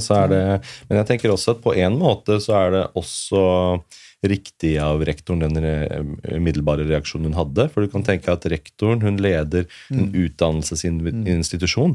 Og i utdannelse ligger ikke bare utdannelse, men også ordet dannelse. Ja. Man skal altså lære seg dannelse på en skole man er ansvarlig for å oppdra gode samfunnsborgere til å leve et liv i respekt og med, med, å leve med andre. Ja. Og da, da er det jo også rektorens og lærernes samfunnsoppdrag å skape gode borgere som klarer å ha god folkeskikk. Ja, Eh, Så, så det er jobben deres, egentlig. Ja, og jeg er helt enig med deg i det. Mm. At, at eh, det er liksom Oppdraget er eh, dannelse. Mm. Du skal lære ting, du skal lære å oppføre deg i et samfunn, leve Mm. sammen med andre. Eh, Og det å på en måte dannelse ligger også i gjensidig respekt. Eh, og og de, de, den uttalelsen fra denne muslimske tenkeren var jo ganske interessant. at dette her hadde ikke gått noe sted. Eh, og, og, han, eh, og han var veldig klar på at var ingen som dauer av å håndhilse. Ja, ja. Ta noe og gjør det, og så bli ferdig med det. Mm. så, eh, så- så tar man en prat om det etterpå. Eh, og det er liksom litt, litt det der greiene med at du heller ikke forstår hva du som individ eller gruppe gjør med anseelsen til din gruppe ved å foreta sånne handlinger. Mm. Eh, og jeg tror nok denne, denne identitets, eh, disse identitetsmarkørene, da, den som skal vise et fellesskap med minoritet, ikke er, eh, ikke er bra for, for eh, den muslimske minoriteten. Men Så er det en ting at det er fint at sånne hendelser skjer på den måten at vi får, eh, eh, vi får noen indikatorer, vi får noen eh, markører for hva som skjer i samfunnet. Det blir veldig tydelig og visuelt for oss, den verdikonfliktene som skjer. At vi plutselig må vi ha et mer bevisst forhold til verdiene våre. Bare, Ja, oi. Hva er verdiene våre egentlig i Norge? Hva er det vi egentlig forfekter når vi sier at vi er norske? Hvordan vil vi ha det mellom mennesker? Hvordan vil vi ha det på skolene og, våre? og, det, det du sier der, er ganske interessant. for altså, den Bevisstheten, norsk kultur, norske verdier, er, Mm. synes jeg er viktig. Og, og for å ta det mest flåste altså, vi har I Norge så spiser vi svin og drikker, eh, Mm, drikker alkohol og håndhilser og sånn. Ja, men eh, det handler om så mye mer enn det. Mm. Eh, og jeg bruker også å si at hvis, hvis jeg som minoritet forventer respekt Mm. for, for min kultur og mine vaner, hvorfor kan ikke majoriteten kreve det samme? Mm. Fordi det er jo majoritetskulturen i Norge som har muliggjort det Norge vi bor i nå. Ja. Det er majoritetskulturen i Norge som muliggjør en, et, et oljefond på 15 000 milliarder kroner. Altså Nå er jeg sånn veldig sånn direkte om det. Det er gode institusjoner, det er eh, lav, høy grad av tillit, lav grad av korrupsjon, iallfall pengekorrupsjon. Og Det er disse tinga her som muliggjør det Norge vi bor i. Så vil noen si ja, men det er ingenting at det inneholder håndhilsing. Nei, men det er en del av det. Mm. Tukler du med en del av en av disse tannhjulene, og det kan man gjøre, så gir de effekt. Effekten kommer ikke i morgen, effekten kommer om 15-20-30 år. Mm. Effekten i andre enden kommer om mange mange år. Og da må vi være bevisst på det. Eh, og jeg mener jo at denne utviklingen kan være med å skade Norge over tid. Kan være med å, å, å erodere grunnlaget for noen av de tinga som gjør dette landet som et, et fantastisk land å bo i. Et land der alle har like muligheter. Gjennom et eh, velfungerende skolesystem, gjennom gjensidig respekt, eh, gjennom tillit til institusjonene. Eh, og, og, og når jeg snakker om tillit til institusjonene, så har denne saken også bidratt til, og det var jo det, det er jo det noen muslimske, erkeskonservative muslimer, blant annet, eh, ja, skal ikke nevne navnet på alle, mm. kom med en sånn uttalelse om at uh, våre barn, altså muslimske, kan bli utsatt for overgrep i norsk skole. Så tenker jeg, å ja! Hmm. Eh, hvis, og da, da ble jeg veldig sånn irritert og tenker at vel, hvis dine du opplever at dine barn blir utsatt for overgrep i den norske skolen, da er det noe alvorlig feil med dette samfunnet. Mm. Er det andre samfunn som kan gjøre det bedre? Da vil jeg anbefale at man vurderer de. Det er jo en grunn til at mine, min mor reiste fra Iran til Norge. Ikke sant? Ehm, og det, det betyr ikke altså Er du ikke fornøyd her, så kan du reise dit du. Men altså, hvis du mener at dette samfunnet på, pådra, på, påvirker dine barn i negativ retning. De, de påfører en eh, skade. Ja, da Mm. vil jeg jo anbefale deg på det sterkeste at du finner et sted der det ikke skjer.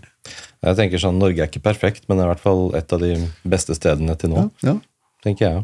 Det Etter, altså jeg mener jo du er veldig sånn eh, veldig ydmyk. Jeg, tror nok Norge er det landet i verden som har klart dette med like muligheter mm, best. Eh, fordi vi har klart Vi, har en, vi er rike. Vi er tolerante. Eh, tol godt utvikla infrastruktur, godt utvikla institusjoner. Disse tingene bidrar til at vi blir et godt land å bo i. Et godt land å etablere seg et godt land å vokse opp i. Et godt land å, i hvert fall fram til denne regjeringa har rota det skattesystemet for etablert næringsliv i. Eh, og, og hvis man ser på innvandrerbefolkningen, så er det ganske interessant. da. Innvandrere flest, hva driver de med? Små og mellomstore bedrifter. De driver kiosker og restauranter og, og, og diverse andre tjenestegreier. Og er ingeniører og, og leger. Innvandrere flest driver med et eller annet i den, i den, i den sammenhengen. Eh, og det må vi også ha med oss som møter nyankomne innvandrere på, på diverse Jeg var på en sånn språk eh, sånn, eh, hva heter det, norsk norskopplæringssak mm. for voksne. Og så spurte jeg hva er det innvandrere driver med i Norge. Og flere som rakk opp hånda. Hun ene Veldig mange som er kriminelle, sa han. Nei, det var ikke det jeg mente. De fleste driver små og mellomstore bedrifter. så, så skatte- og avgiftssystem bør være viktig for deg. Enkelt forenkla byråkrati bør være viktig for deg. liksom. Men, men jeg, jeg, er, eh, jeg mener også det, det er igjen da i innvandrerens interesse mm, å ha med seg disse virkelighetene når de foretar, eh, skal stemme i valg. Det handler ikke bare om hvem som kan stå på barrikadene og, og, og fortelle at uh, familiegjenforening er kjempeviktig. Ja da, det er viktig, det òg, men du driver en business, du har barn som går på skole, ja, ja. du skal bruke helsevesenet. Ikke sant? Disse tinga her bør, bør trumfe at du, du, du har en muslimsk identitet eller er fra et eller annet land. uh, By miles. Mm, Og det er det som jeg mener er, er viktig. Og det er det når man, når man også får folk Eller hva skal jeg si Når folk opplever den tilhørigheten, samhørigheten, kall det hva du vil, så vil de også prioritere de tinga foran sin egen identitet. Men så har vi grupper der ute som bidrar til at minoritetsidentiteten, muslimske identiteten, somalske, iranske identiteten styrkes betydelig mer til eh, den ulempe for den norske identiteten, fellesskapsidentiteten. mm, Eh, og det er problematisk. Fordi du beholder folk i minoritetsgruppa, og lar det ikke slutte seg til majoritetsgruppa.